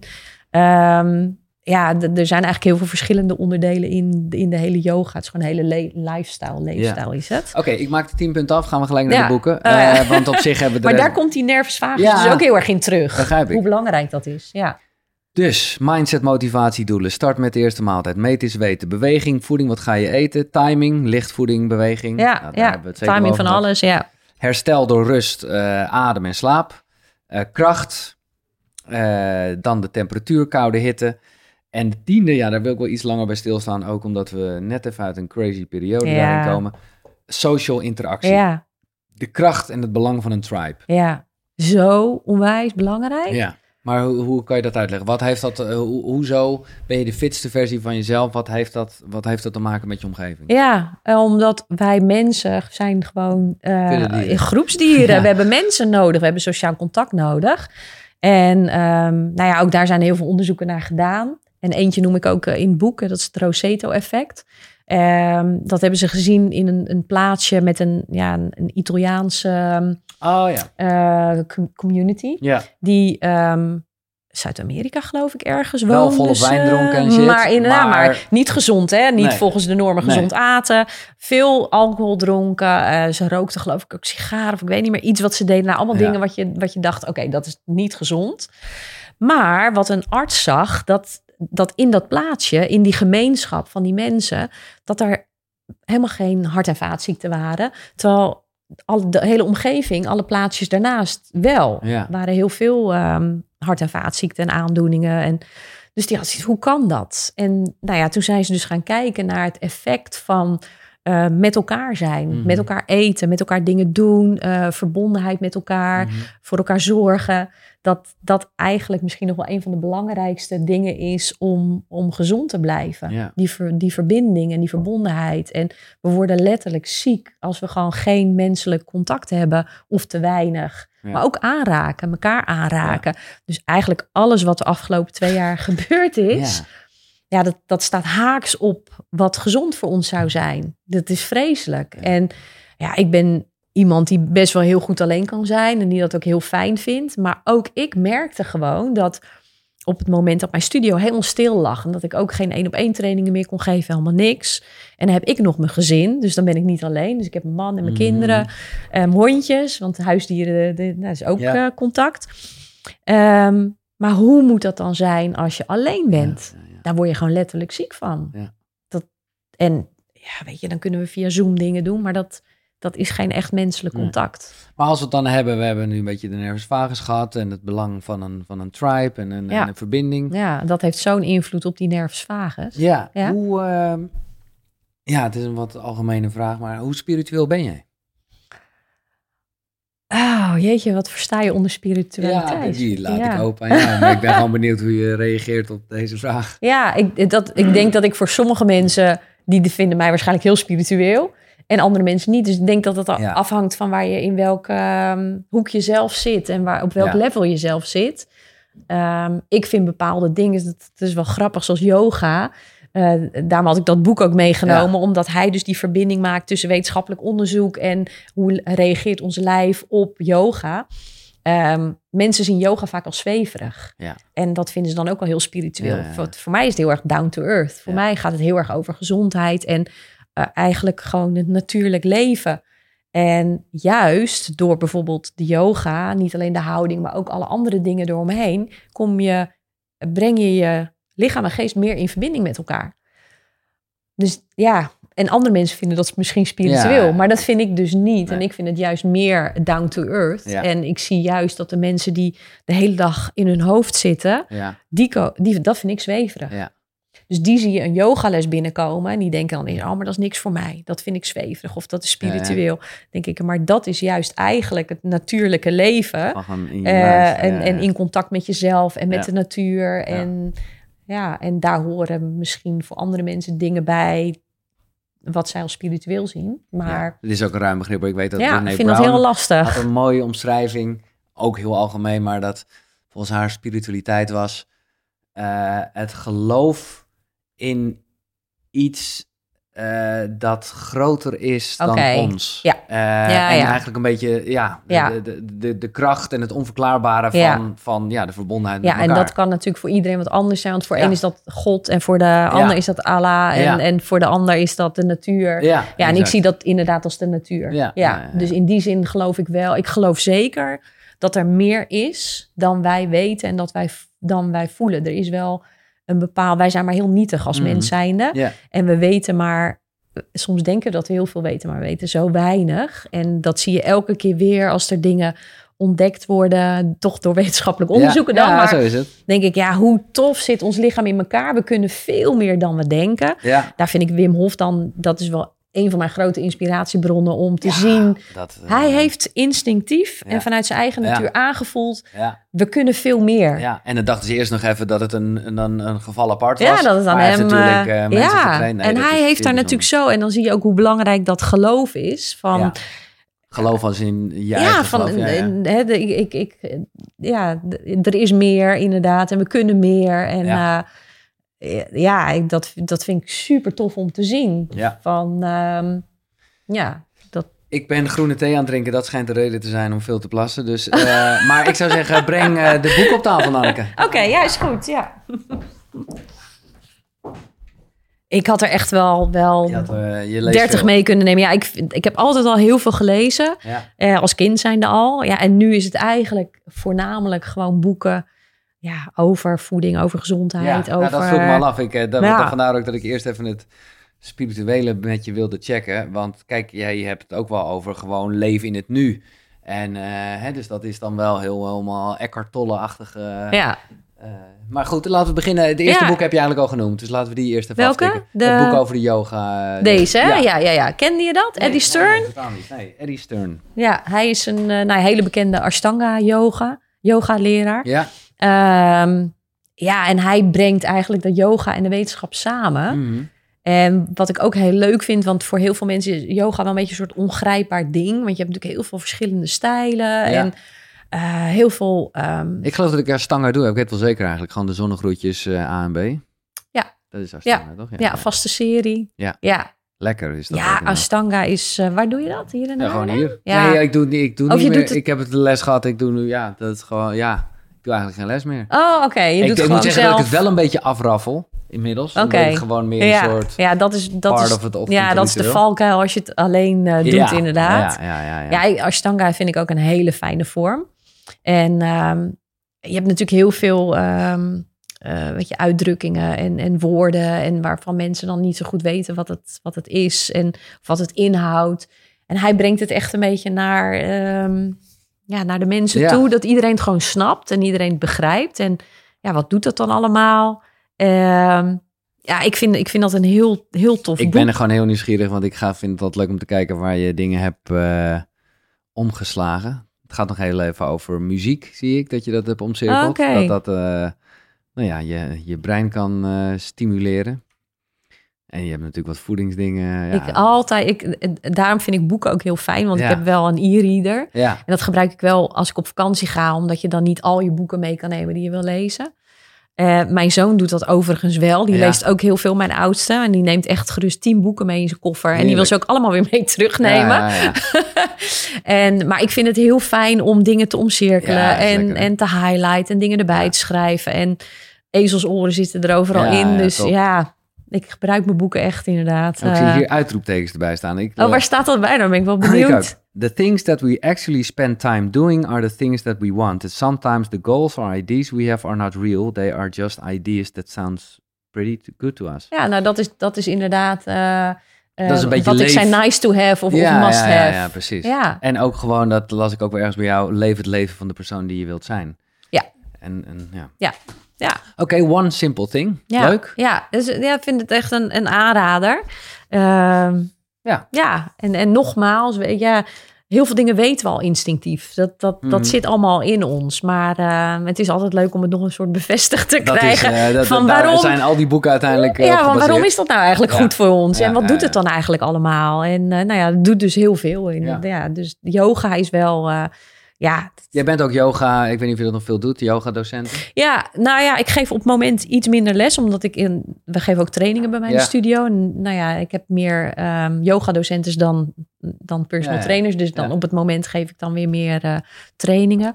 Maar ik start wel binnenkort weer met een, eh, een Bikram Oh eh, les. Bikram vind ik ook heel fijn. De hit training ook. En het is ook een vaste serie. Ja, dat is wel heel fijn. Ja. En ehm, ja, meer mensen zouden, zouden het eens moeten proberen, yoga. En zit het ook in je eigen dagelijkse routine? Ehm, op dit moment te Nee. weinig. Ja, nee. Maar eh, ja, nou ja, dan geef ik gewoon nu prioriteit aan andere dingen. Dus ik heb het wel ook, ik geloof de eerste lockdown, heel consequent. Elke ochtend was dat mijn begin. En dan start ik met, eh, ja, met, met gewoon ook een Ja, serie Het inderdaad. is een wat chaotische aflevering, maar het ligt aan mezelf. eh, want nu begin ik hierover. Dus voordat we doorgaan met de rest van de boeken. eh, wat is jouw ochtendritueel? Oké.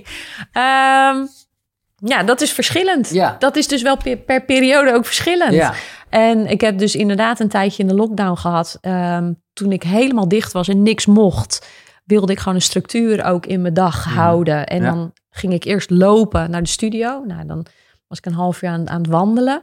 En dan ging ik inderdaad mijn yoga practice doen.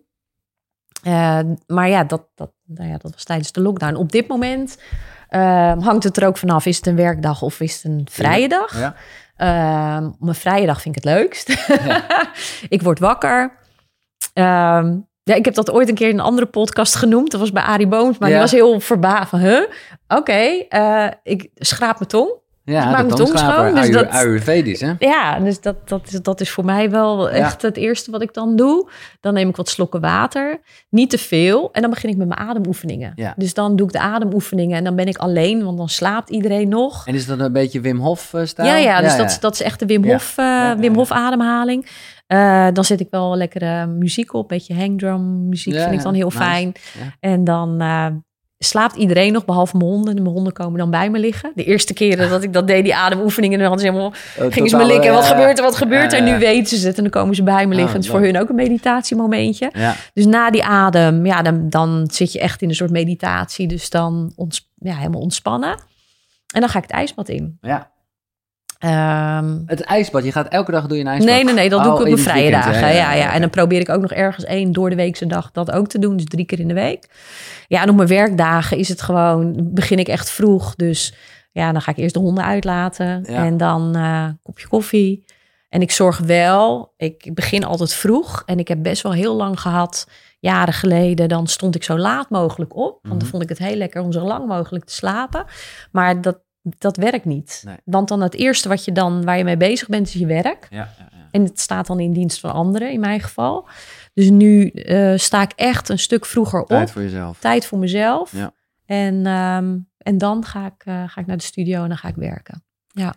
We gaan naar het volgende boek. What Doesn't Kill Us. Ja, What Doesn't Kill Us. Scott Carney. Ken je die? Nee. Ook niet. Nee. Leuk. Maar dat vind ik wel leuk dat ik boeken mee gewoon niet, kent. boeken Ja, dit is een, een, ehm, een onderzoeksjournalist. Ja. En hij is eh, bij Wim Hof geweest. Ik had ook een boek van Wim Hof mee kunnen nemen. Want dat vind, maar ik Ja, denk, ja, nou, dat ik. is wel heel... eh, dat, dat heb je waarschijnlijk wel vaker Ja. voorbij zien komen.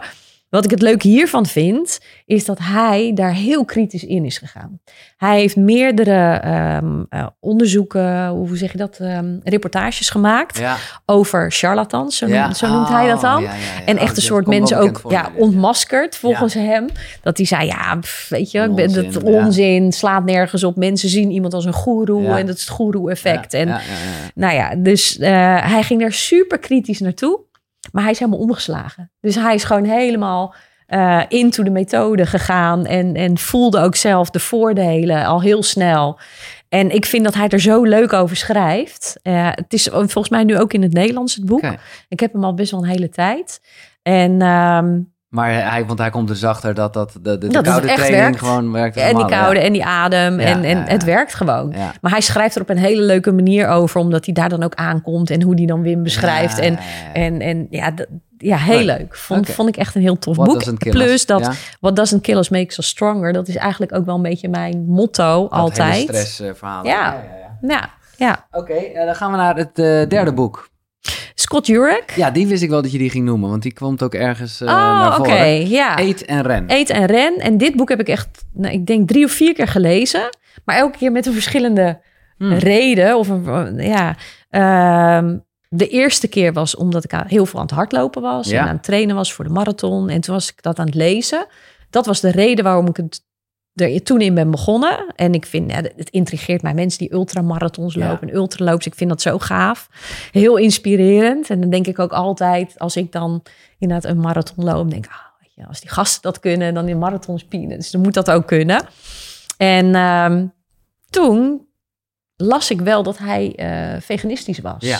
En ik was er zelf helemaal nog niet mee bezig toen. En toen dacht ik ook van, nou ja, weet je, dat is wel heel bijzonder dat iemand dat kan. En veganistisch eten en dan zulke prestaties neerzetten. Maar dat was wel een beetje op de achtergrond. Ja. En toen ben ik het, denk ik, de tweede keer gaan lezen. Omdat ik inderdaad toen geïnspireerd raakte van... hé, hey, ik wilde zelf uh, eigenlijk geen dierlijke producten meer gebruiken. Dus toen ben ik het om die reden nog weer een keer gaan ja, lezen. Dan heb je even een testje gedaan en dat liep positief uit de hand. Je deed het een paar weken. Ja, ja, ja, ja, inderdaad. Dus ja, zo is dat eigenlijk. Uh, ja. ja, heb ik dat elke keer weer met een, met een andere mindset gelezen. En haal je er weer andere dingen uit. Maar dat brengt ons gelijk bij het vegan onderwerp. Uh, waarbij ik dus begrijp dat jij, en dat ik nou, ik heb het één keer trouwens in een gesprek met Janneke, die je natuurlijk ook kent. Ja, die ja. heb, ik, heb ik wel echt, maar daar had ik gelijk al spijt van. Maar zij was zo overtuigend uh, in haar, uh, nou ja, voornamelijk uh, fruitverhaal en, en ook natuurlijk wel groenten. Dat ik dacht van ja, ik ben vegan, ik ga het, maar ik, toen dacht ik toch nee, ik wil gewoon dat stempel ook niet, omdat je dan, ja, ja. ja, maar goed. Want Ja. ben, je, ben je toen uh, dan even een tijdje... Nee, was ik daarvoor eigenlijk al. Ik zal je zeggen, om helemaal, dan komt weer die sixpack periode. Toen heb ik zoveel eieren en kip gegeten. dat ik gewoon... je je neus uit. Ja, dat ik echt al wel wist. En, en andere mensen zeiden ook van, daarna moet je gaan bulken. Nou, dat heb ik gewoon niet echt gedaan, omdat ik niet per definitie heel veel groter wilde worden. Maar ik wist wel van, ik moet weer even normaal gaan doen. Maar Ja. tegelijkertijd, nou ja, was alles gereset. Dus ik zal nooit vergeten, op de dag dat ik die hier aan tafel de onthulling had gehad, mocht ik dus weer eten wat ik wilde Oké. ging ik pannenkoeken maken. Maar dat waren al wel vegan pannenkoeken. Want ik wist al wel, Oh. dat had ik... Maar Oh, nogmaals, wat leuk, ja. Toen heb ik eigenlijk een maand, maar dat werd 40 dagen, echt volledig vegan Ja. eh, gedaan. Ja, en nu... En daarom vind ik het wel eh, bijzonder dat, dat nou ja, jij daar ook op terugkomt. Want ik heb hier een boek Ja. voor liggen, Fit Vegan Food. Ja, niet op teruggekomen. Nee, want- niet op Nee, nee zeker niet op teruggekomen. Absoluut niet. Ehm, maar ja, ik ben ooit inderdaad met mijn oudste zoon ben ik de, de Spaanse Pyreneeën ingetrokken met een gids. En eh, we hadden aan hem ook doorgegeven van, nou, we willen ook heel graag leven. Ja, voor zover mogelijk, hè, maar een beetje leven zoals mensen vroeger leefden. Ja. We willen echt trekken door de natuur. Geen tent mee, buiten slapen. Geen eten mee. eh, dus ja, heel weinig eten. En, en we gingen echt ons water zuiveren. Dus we gingen van waterbron naar waterbron. En daar zuiverden we het water. Dat was het water wat we konden drinken. Bulk drinken dan ook. Ja. Ehm, dus eh, ja, was super tof. Was echt een heel gaaf avontuur. En met mijn oudste zoon kreeg ik toen wel het gesprek van... Oké, kijk, en we waren maar een paar dagen daar. Dus dat, je komt niet om van de honger, want dat kan prima. Maar je krijgt wel een gesprek van... Stel nou dat je echt heel lang in de natuur bent. Ja. En, en je hebt geen eten. En er komt een konijn op je pad. Ja. Zou je dat dan neer kunnen schieten om... Ja, voor, voor je eigen overleving. En bij mij was het antwoord: oké, als het echt nodig is om zelf te overleven, Ja. ja, dan zal ik dat uiteindelijk wel doen. Maar anders eigenlijk niet. En toen dacht ik, ja, jeetje, dat is eigenlijk ook heel hypocriet. Want dan koop ik wel. eh, die verpakking. eh, ja, ja. eh, Dat, dat klopt. Dit verhaal Nee. klopt nu niet Nee. eigenlijk. En ja, zo waren er nog een paar dingen waar, waardoor ik je, ja, dan raak je een beetje geïntrigeerd erdoor. Dat ik dacht, van, het voelt eigenlijk niet zo goed meer. En ook omdat ik dan mensen begeleide die vegetarisch waren of vegan. Van, nou, ook uit professioneel eh, oogpunt van wat heb je nou precies allemaal nodig? Ja. Dus laat ik daar eens helemaal induiken. Ja. Nou, toen kwam ik terug van die, eh, van die bergtocht en ik weet niet meer voor tien dagen of twee weken, ik weet niet meer. Toen ben ik daar allemaal eh, over gaan schrijven en ik denk, ga ik er helemaal induiken. Ik ga ook alle documentaires kijken Ja, die er te zien Ja. zijn. Heb jij dat ook gedaan? Ja, wel veel. Heb jij Ik- ik- Earthlings gekeken? Ja, maar die vond ik echt, eh, daar hou ik helemaal niet van. Zo bezitten huilen? Ja, maar ik vind dat, ik, ik, eh, daar kan ik echt boos worden om dat soort dingen. Want dat zijn diezelfde activisten die, die ja, ik weet dat de, de realiteit is. Maar die je vroeger wel eens in de stad had. eh, en dan zag je ze allemaal met bebloede dieren en zo. Oh ja. Ja, val mij niet lastig daarmee. Ik weet, eh, tenminste, nou ja, ik zeg dit vooral omdat ik er gewoon heel slecht tegen kan. Ja, Dus ik vond hem te heftig. ja. Ik- confronterend. Confronterend. Ja. ja. Ja, en ik, ik vond voor mezelf van, oké, ik wil niet meer de andere kant op kijken. Ik Nee. weet dat er allemaal Nee, dat soort dingen gebeuren. Dus ik wil dat allemaal zien. Ja. En dan kijken, hoe voel ik me er dan bij? En Ja. nou ja, en bij Earthlings heb ik echt alleen maar zitten huilen. Ja, ik was er letterlijk misselijk van. Ik vond het Ja. zo erg. Maar goed, eh, dat, die, dat heb je gezien. Ja. Nou, ik zie even eh, niet, het zou leuk zijn als je nu ook nog een leren broek aan had of zo. Eh, want dat gaat namelijk veel verder dan alleen Ja, de, de, ja, de, ja, nee, ik, ik heb inderdaad, want ik heb ook wel heel veel fake leer spullen. Ja, ja, ja, nee, precies. Dus inderdaad, want nou ja, toen ben ik... Iedereen vraagt dan na die, weet ik wel, twee weken of drie Ja. weken van... En wat ga je nu weer eten? ja, en dacht, ja, maar ik wil eigenlijk helemaal niks meer eten. Maar echt niks meer. En dan inderdaad geen leer meer kopen. Want ja, dat gaat dan veel verder dan alleen je voeding. Mhm. Ehm, en dat heb ik drie jaar gedaan. Ja. En ik heb daar ook geen moment... eh, mijn middelste zoon die zei dan altijd... oh, dat mag jij niet, hè? En zei ik, nee, dat wil ik niet. Nee, dat is wat anders. Ja. Is wel grappig. Hij doet nu een, een horecaopleiding. En toen moest hij een onderwerp uitkiezen waar hij dan een werkstuk over maakt. En dat werd toen veganistisch eten. Oké. Eh, terwijl Nou ja, hij er altijd een beetje tegenaan Ja, ja, schopte. wel een trend. en en dus, eh, mijn uitspraak heeft hij toen daar ook in opgenomen. Van mijn moeder zegt altijd van... ik mag het wel, maar Ja. ik wil het niet. Dus Nee. het is een keus die je maakt. Maar nu, dat, de, die, die onthulling heb je al gedaan. Nu heb je toch na drie jaar besloten. Ja, ja, En ja. hoe ja, is dat gegaan? Ja. Eh, ja, het is gewoon helemaal niet een bijzonder verhaal of iets. Nee. heel- Maar ik weet wel dat we in een lockdown zaten. En dat ik, ik ging voor mijn schoonmoeder ging ik vissen halen bij de visboer. Ja. En opeens had ik zoiets, ik heb, er, ik heb zo'n zin in vis. ja. En, ehm, en bij vissen, ja, ik, kijk, als mensen echt veganistisch zijn, dan vinden ze dit een hele foute uitspraak. Maar ik had daar altijd wel een ander gevoel bij. Bij mij is het voornamelijk ontstaan vanwege dierenwelzijn. ja. En heb ik toch een ander gevoel dan bij de vissen, dan bijvoorbeeld bij, Ja. bij de kippen of de koeien. En, en, Vissen hebben geen eh, gevoel. Ja, dat ga, ik, dat ga ik niet zeggen. Nee, maar dat... eh, Nee, want alle, alle levende wezens hebben gevoel. Dus, maar eh, ja, dat voelde toch iets anders. Ja. Dat ik dacht, ja, nou, zo'n vis, dat, dat wil ik Heb je dan die toch nog docu gezien over vis? eh, Nee, die wil ik dus niet kijken. Want dan weet ik dat ik dan dus geen vis meer Nee, ga eten. En ik, nou ja, ik vond het gewoon heel erg lekker. Dus af en toe eet ik dan wel weer vis. En wat is af en toe? Ehm nou, ik denk twee keer in de week Ja, zoiets. Ja. En eh, de eieren kocht ik voor mijn kinderen nog. Maar die koop ik dan wel bij een boer bij ons op de hoek. En dan weet ik, ja, die kippen lopen er rond. Die hebben een goed leven. Dus dat kon ik voor mezelf ook wel. Dat ik dacht van ja, ik koop die eieren ook voor mijn kinderen. En Ja. toen ben ik zelf ook weer eitjes gaan eten. Dus ja, die, ehm, kippen, die kippen hebben een goed leven. Ja, ik, eh, ik, ik speel nu gewoon even advocaat van de duivel. Je steelt gewoon hun... eh, ongeboren kind. ja. ja. Ja. Ja.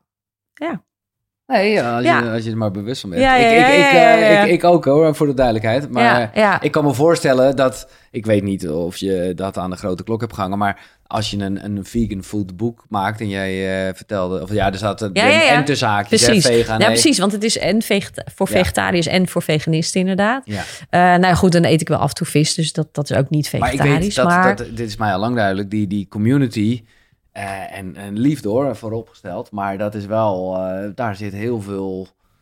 Ah, ja, maar ik ben daar nooit heel... Nee, oké. Dus je bent ehm, ook nog niet uitgekotst. Eh, het is niet dat Janneke van der Meulen je ontvolgd heeft.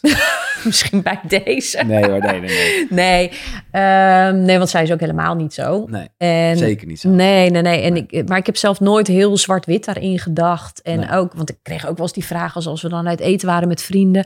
Of ik het dan erg vond als iemand een stukje vlees at of zo. Dan dacht ik, nee, weet je.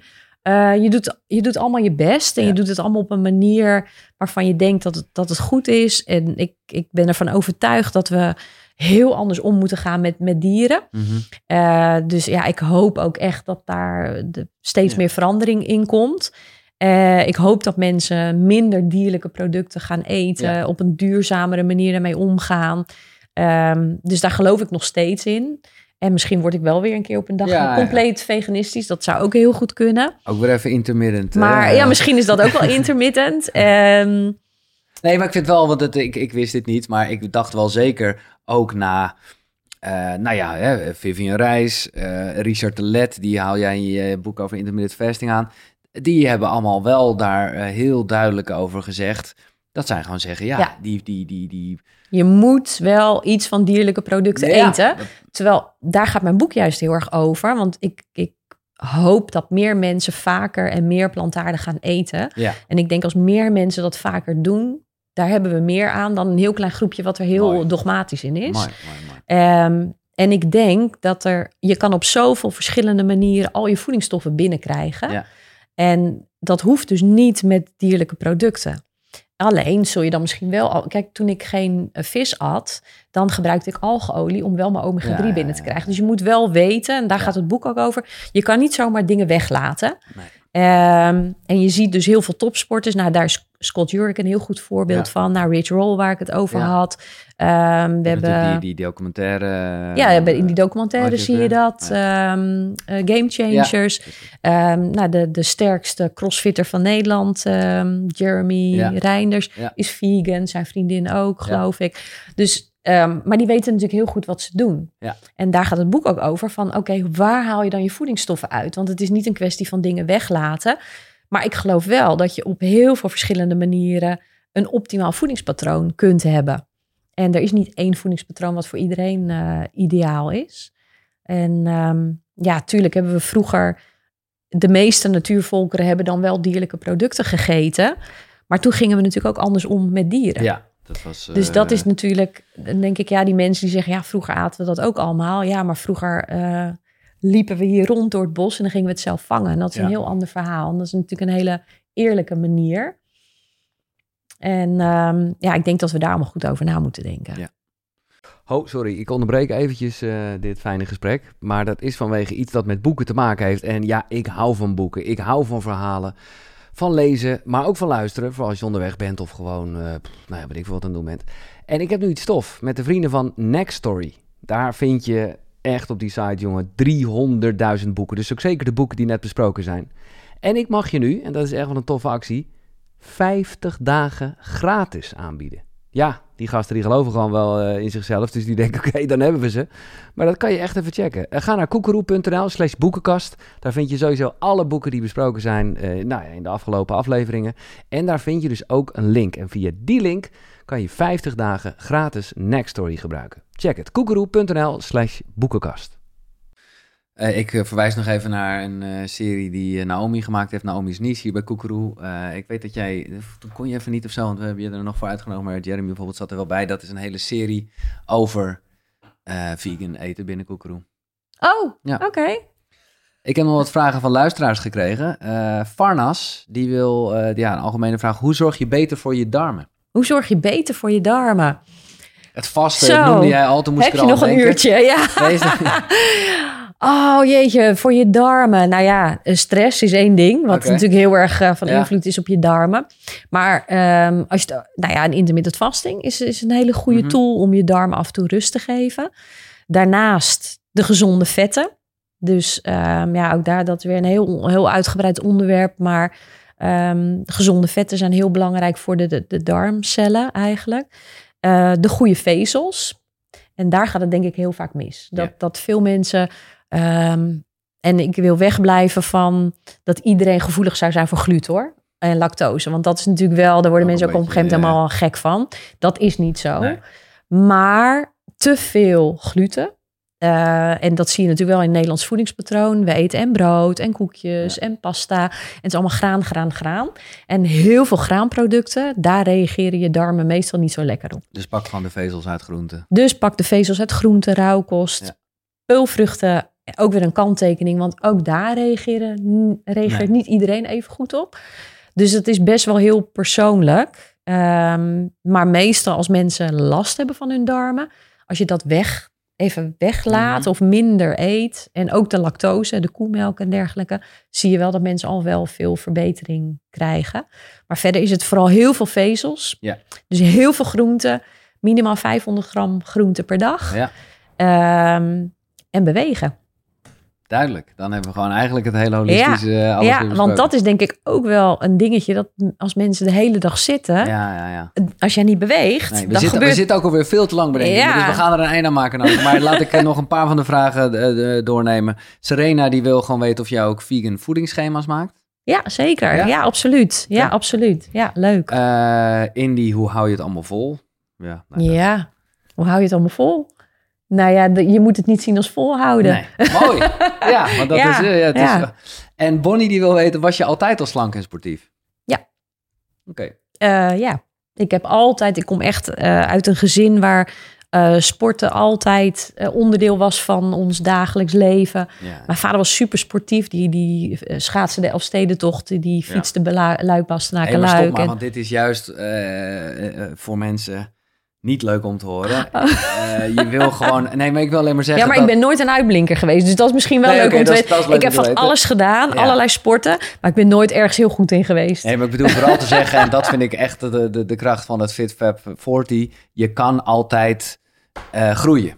En het is Ja, maar net ja, je komt. ja, dus het is niet van, het is nooit te laat. Nee, Eh, helemaal niet. Nee, nee, nee, juist niet. En, eh, en eh, dat, dat is natuurlijk wel eens een keer dat, dat vrouwen dat denken, of mannen ook hoor. Van ja, maar nu ben ik 35 en nu is het te laat. Of nu ben ik 40. Nee, weet je. De, nou ja, die voorbeelden die ik noemde van Mhm. Rich Roll. Ja. eh, dat was echt iemand die alleen nog maar op de bank lag. Ah, en en eh, alcohol, drugs gebruikte, Ja, noem maar ah, op.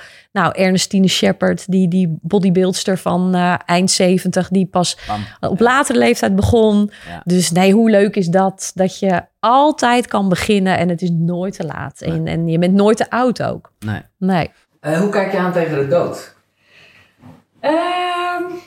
Ja, dat, eh, de dood, dat vind ik altijd wel een heel groot onderwerp. Waar ben je er bang voor ook? Want dat kan natuurlijk ook een reden zijn om eh, helemaal bezig te zijn. Oh ja, oh nee, ze- nee, nee, nee, oh nee, niet, dat is geen drijfveer Nee. om, eh, om, nee, want de, de, de reden waarom ik eigenlijk bezig ben met gezondheid en fit worden, is eigenlijk gewoon kwaliteit van leven. Ja. Ja, dus ja, weet je, je kan ook morgen onder een tram komen, noem maar op. Ehm, de enige reden waarom ik niet dood wil, is, is omdat ik gewoon drie kinderen heb. Ja. En, eh, en, en voor hun er wil zijn. Dus dat is eigenlijk, eh, ja, denk ik het de belangrijkste Nee, je wil niet dood, dat snap ik ook. Nee, nee. Maar ben ik bang voor de dood? Ik vind het af en toe wel heel gek als je erover nadenkt. van, wat er- is daar wat denk je- dan? ja, precies. Wat denk je? Als je gewoon hardop mag denken. Ja, eh, denken en hopen is dan denk ik weer wat anders. Ik hoop wel, of ik denk, ik, ik geloof wel dat er iets is. mhm. Ik heb geen idee wat. Maar mijn moeder is eh, op jonge leeftijd overleden. Die was 56. Die had een hersentumor. En ik heb wel heel sterk gevoeld in de periode nadat zij overleden was, dat ze gewoon bij me was. Mhm. En dat kan natuurlijk ook zijn dat je dat heel graag wil. Maar er zijn ook wel dingen gebeurd waar, waardoor ik daar ook wel van overtuigd ben geraakt. Dat ik denk, ja, het kan bijna niet anders. En ook als mensen dan nu aan mij... Oké, kan je een voorbeeld geven? Je maakt me wel nieuwsgierig. Ja, ehm, ja, kan ik wel vertellen. Ik Ja. heb dat heel lang maar aan heel weinig mensen verteld. Maar ik ben ooit, vlak nadat zij overleden was, ben ik door een vriendin meegenomen naar iemand die dan, ja, net zoals Dirk ook of vroeger Ja, op televisie, in iets, eh. contact staat Ja. met, eh, met overleden mensen. En ehm, ja, daar zijn toen echt dingen verteld wat niemand kon weten. Nee. Die echt, en ik was met die vriendin en dat waren zulke specifieke details, wat ook zij niet wist bijvoorbeeld. Dat ik dacht, ja, dit, is gewoon een man die ik nog nooit gezien heb en die ik niet ken. En, eh, er worden nu dingen gezegd en, en niet alleen, het was heel bizar, maar ook dingen die gebeurd waren of uit onze familie. Maar ook dingen die nog daarna gebeurden. Ja, ja. Dat was helemaal heel bizar. Want zij heeft dat toen allemaal voor mij opgeschreven, die vriendin. En dan ging ik het nog af en toe eens terug te- te lezen. En er zijn later dingen in mijn leven gebeurd. Dat je ineens dacht, hé. Ja. Ja. Dat, dus, Maar hoe zie je dat dan voor je? Want zeker met dit soort eh, gebeurtenissen, dan ga je er toch ook over nadenken van, Ja. hoe werkt dat dan? Ja, want het is niet te bevatten. Want, maar ook dat, denk ik, ja, omdat wij het niet kunnen bevatten of omdat we het niet zien, is het nog niet waar. Ja, ik denk toch een andere energie of dimensie. Ik vind dat heel lastig, want ik, ik weet het niet. Nee. Maar ik wil het natuurlijk ook heel graag geloven. Dus ik vind het ook heel fijn om dat te geloven. En ja, eh, mijn moeder is gewoon bij me. En zo voelt dat ook. En ik vind het jammer dat ze er niet lijfelijk is. Maar ehm, ja, ik heb wel heel sterk het gevoel dat zij mijn kinderen kent en dat ze ziet wat ik doe. Dus ja, dat, dat, eh, dat Geeft is jou- fijn. Ja, dat geeft troost. Ja. En hoe eh, wil je herinnerd worden? Nanneke Schreurs. Goh, nou dan, eh jeetje.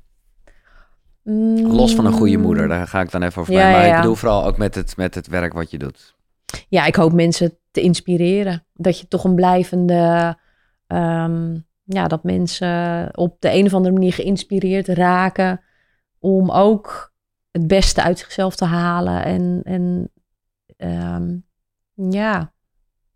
En ik hoop ook gewoon als een goede vriendin. Ja.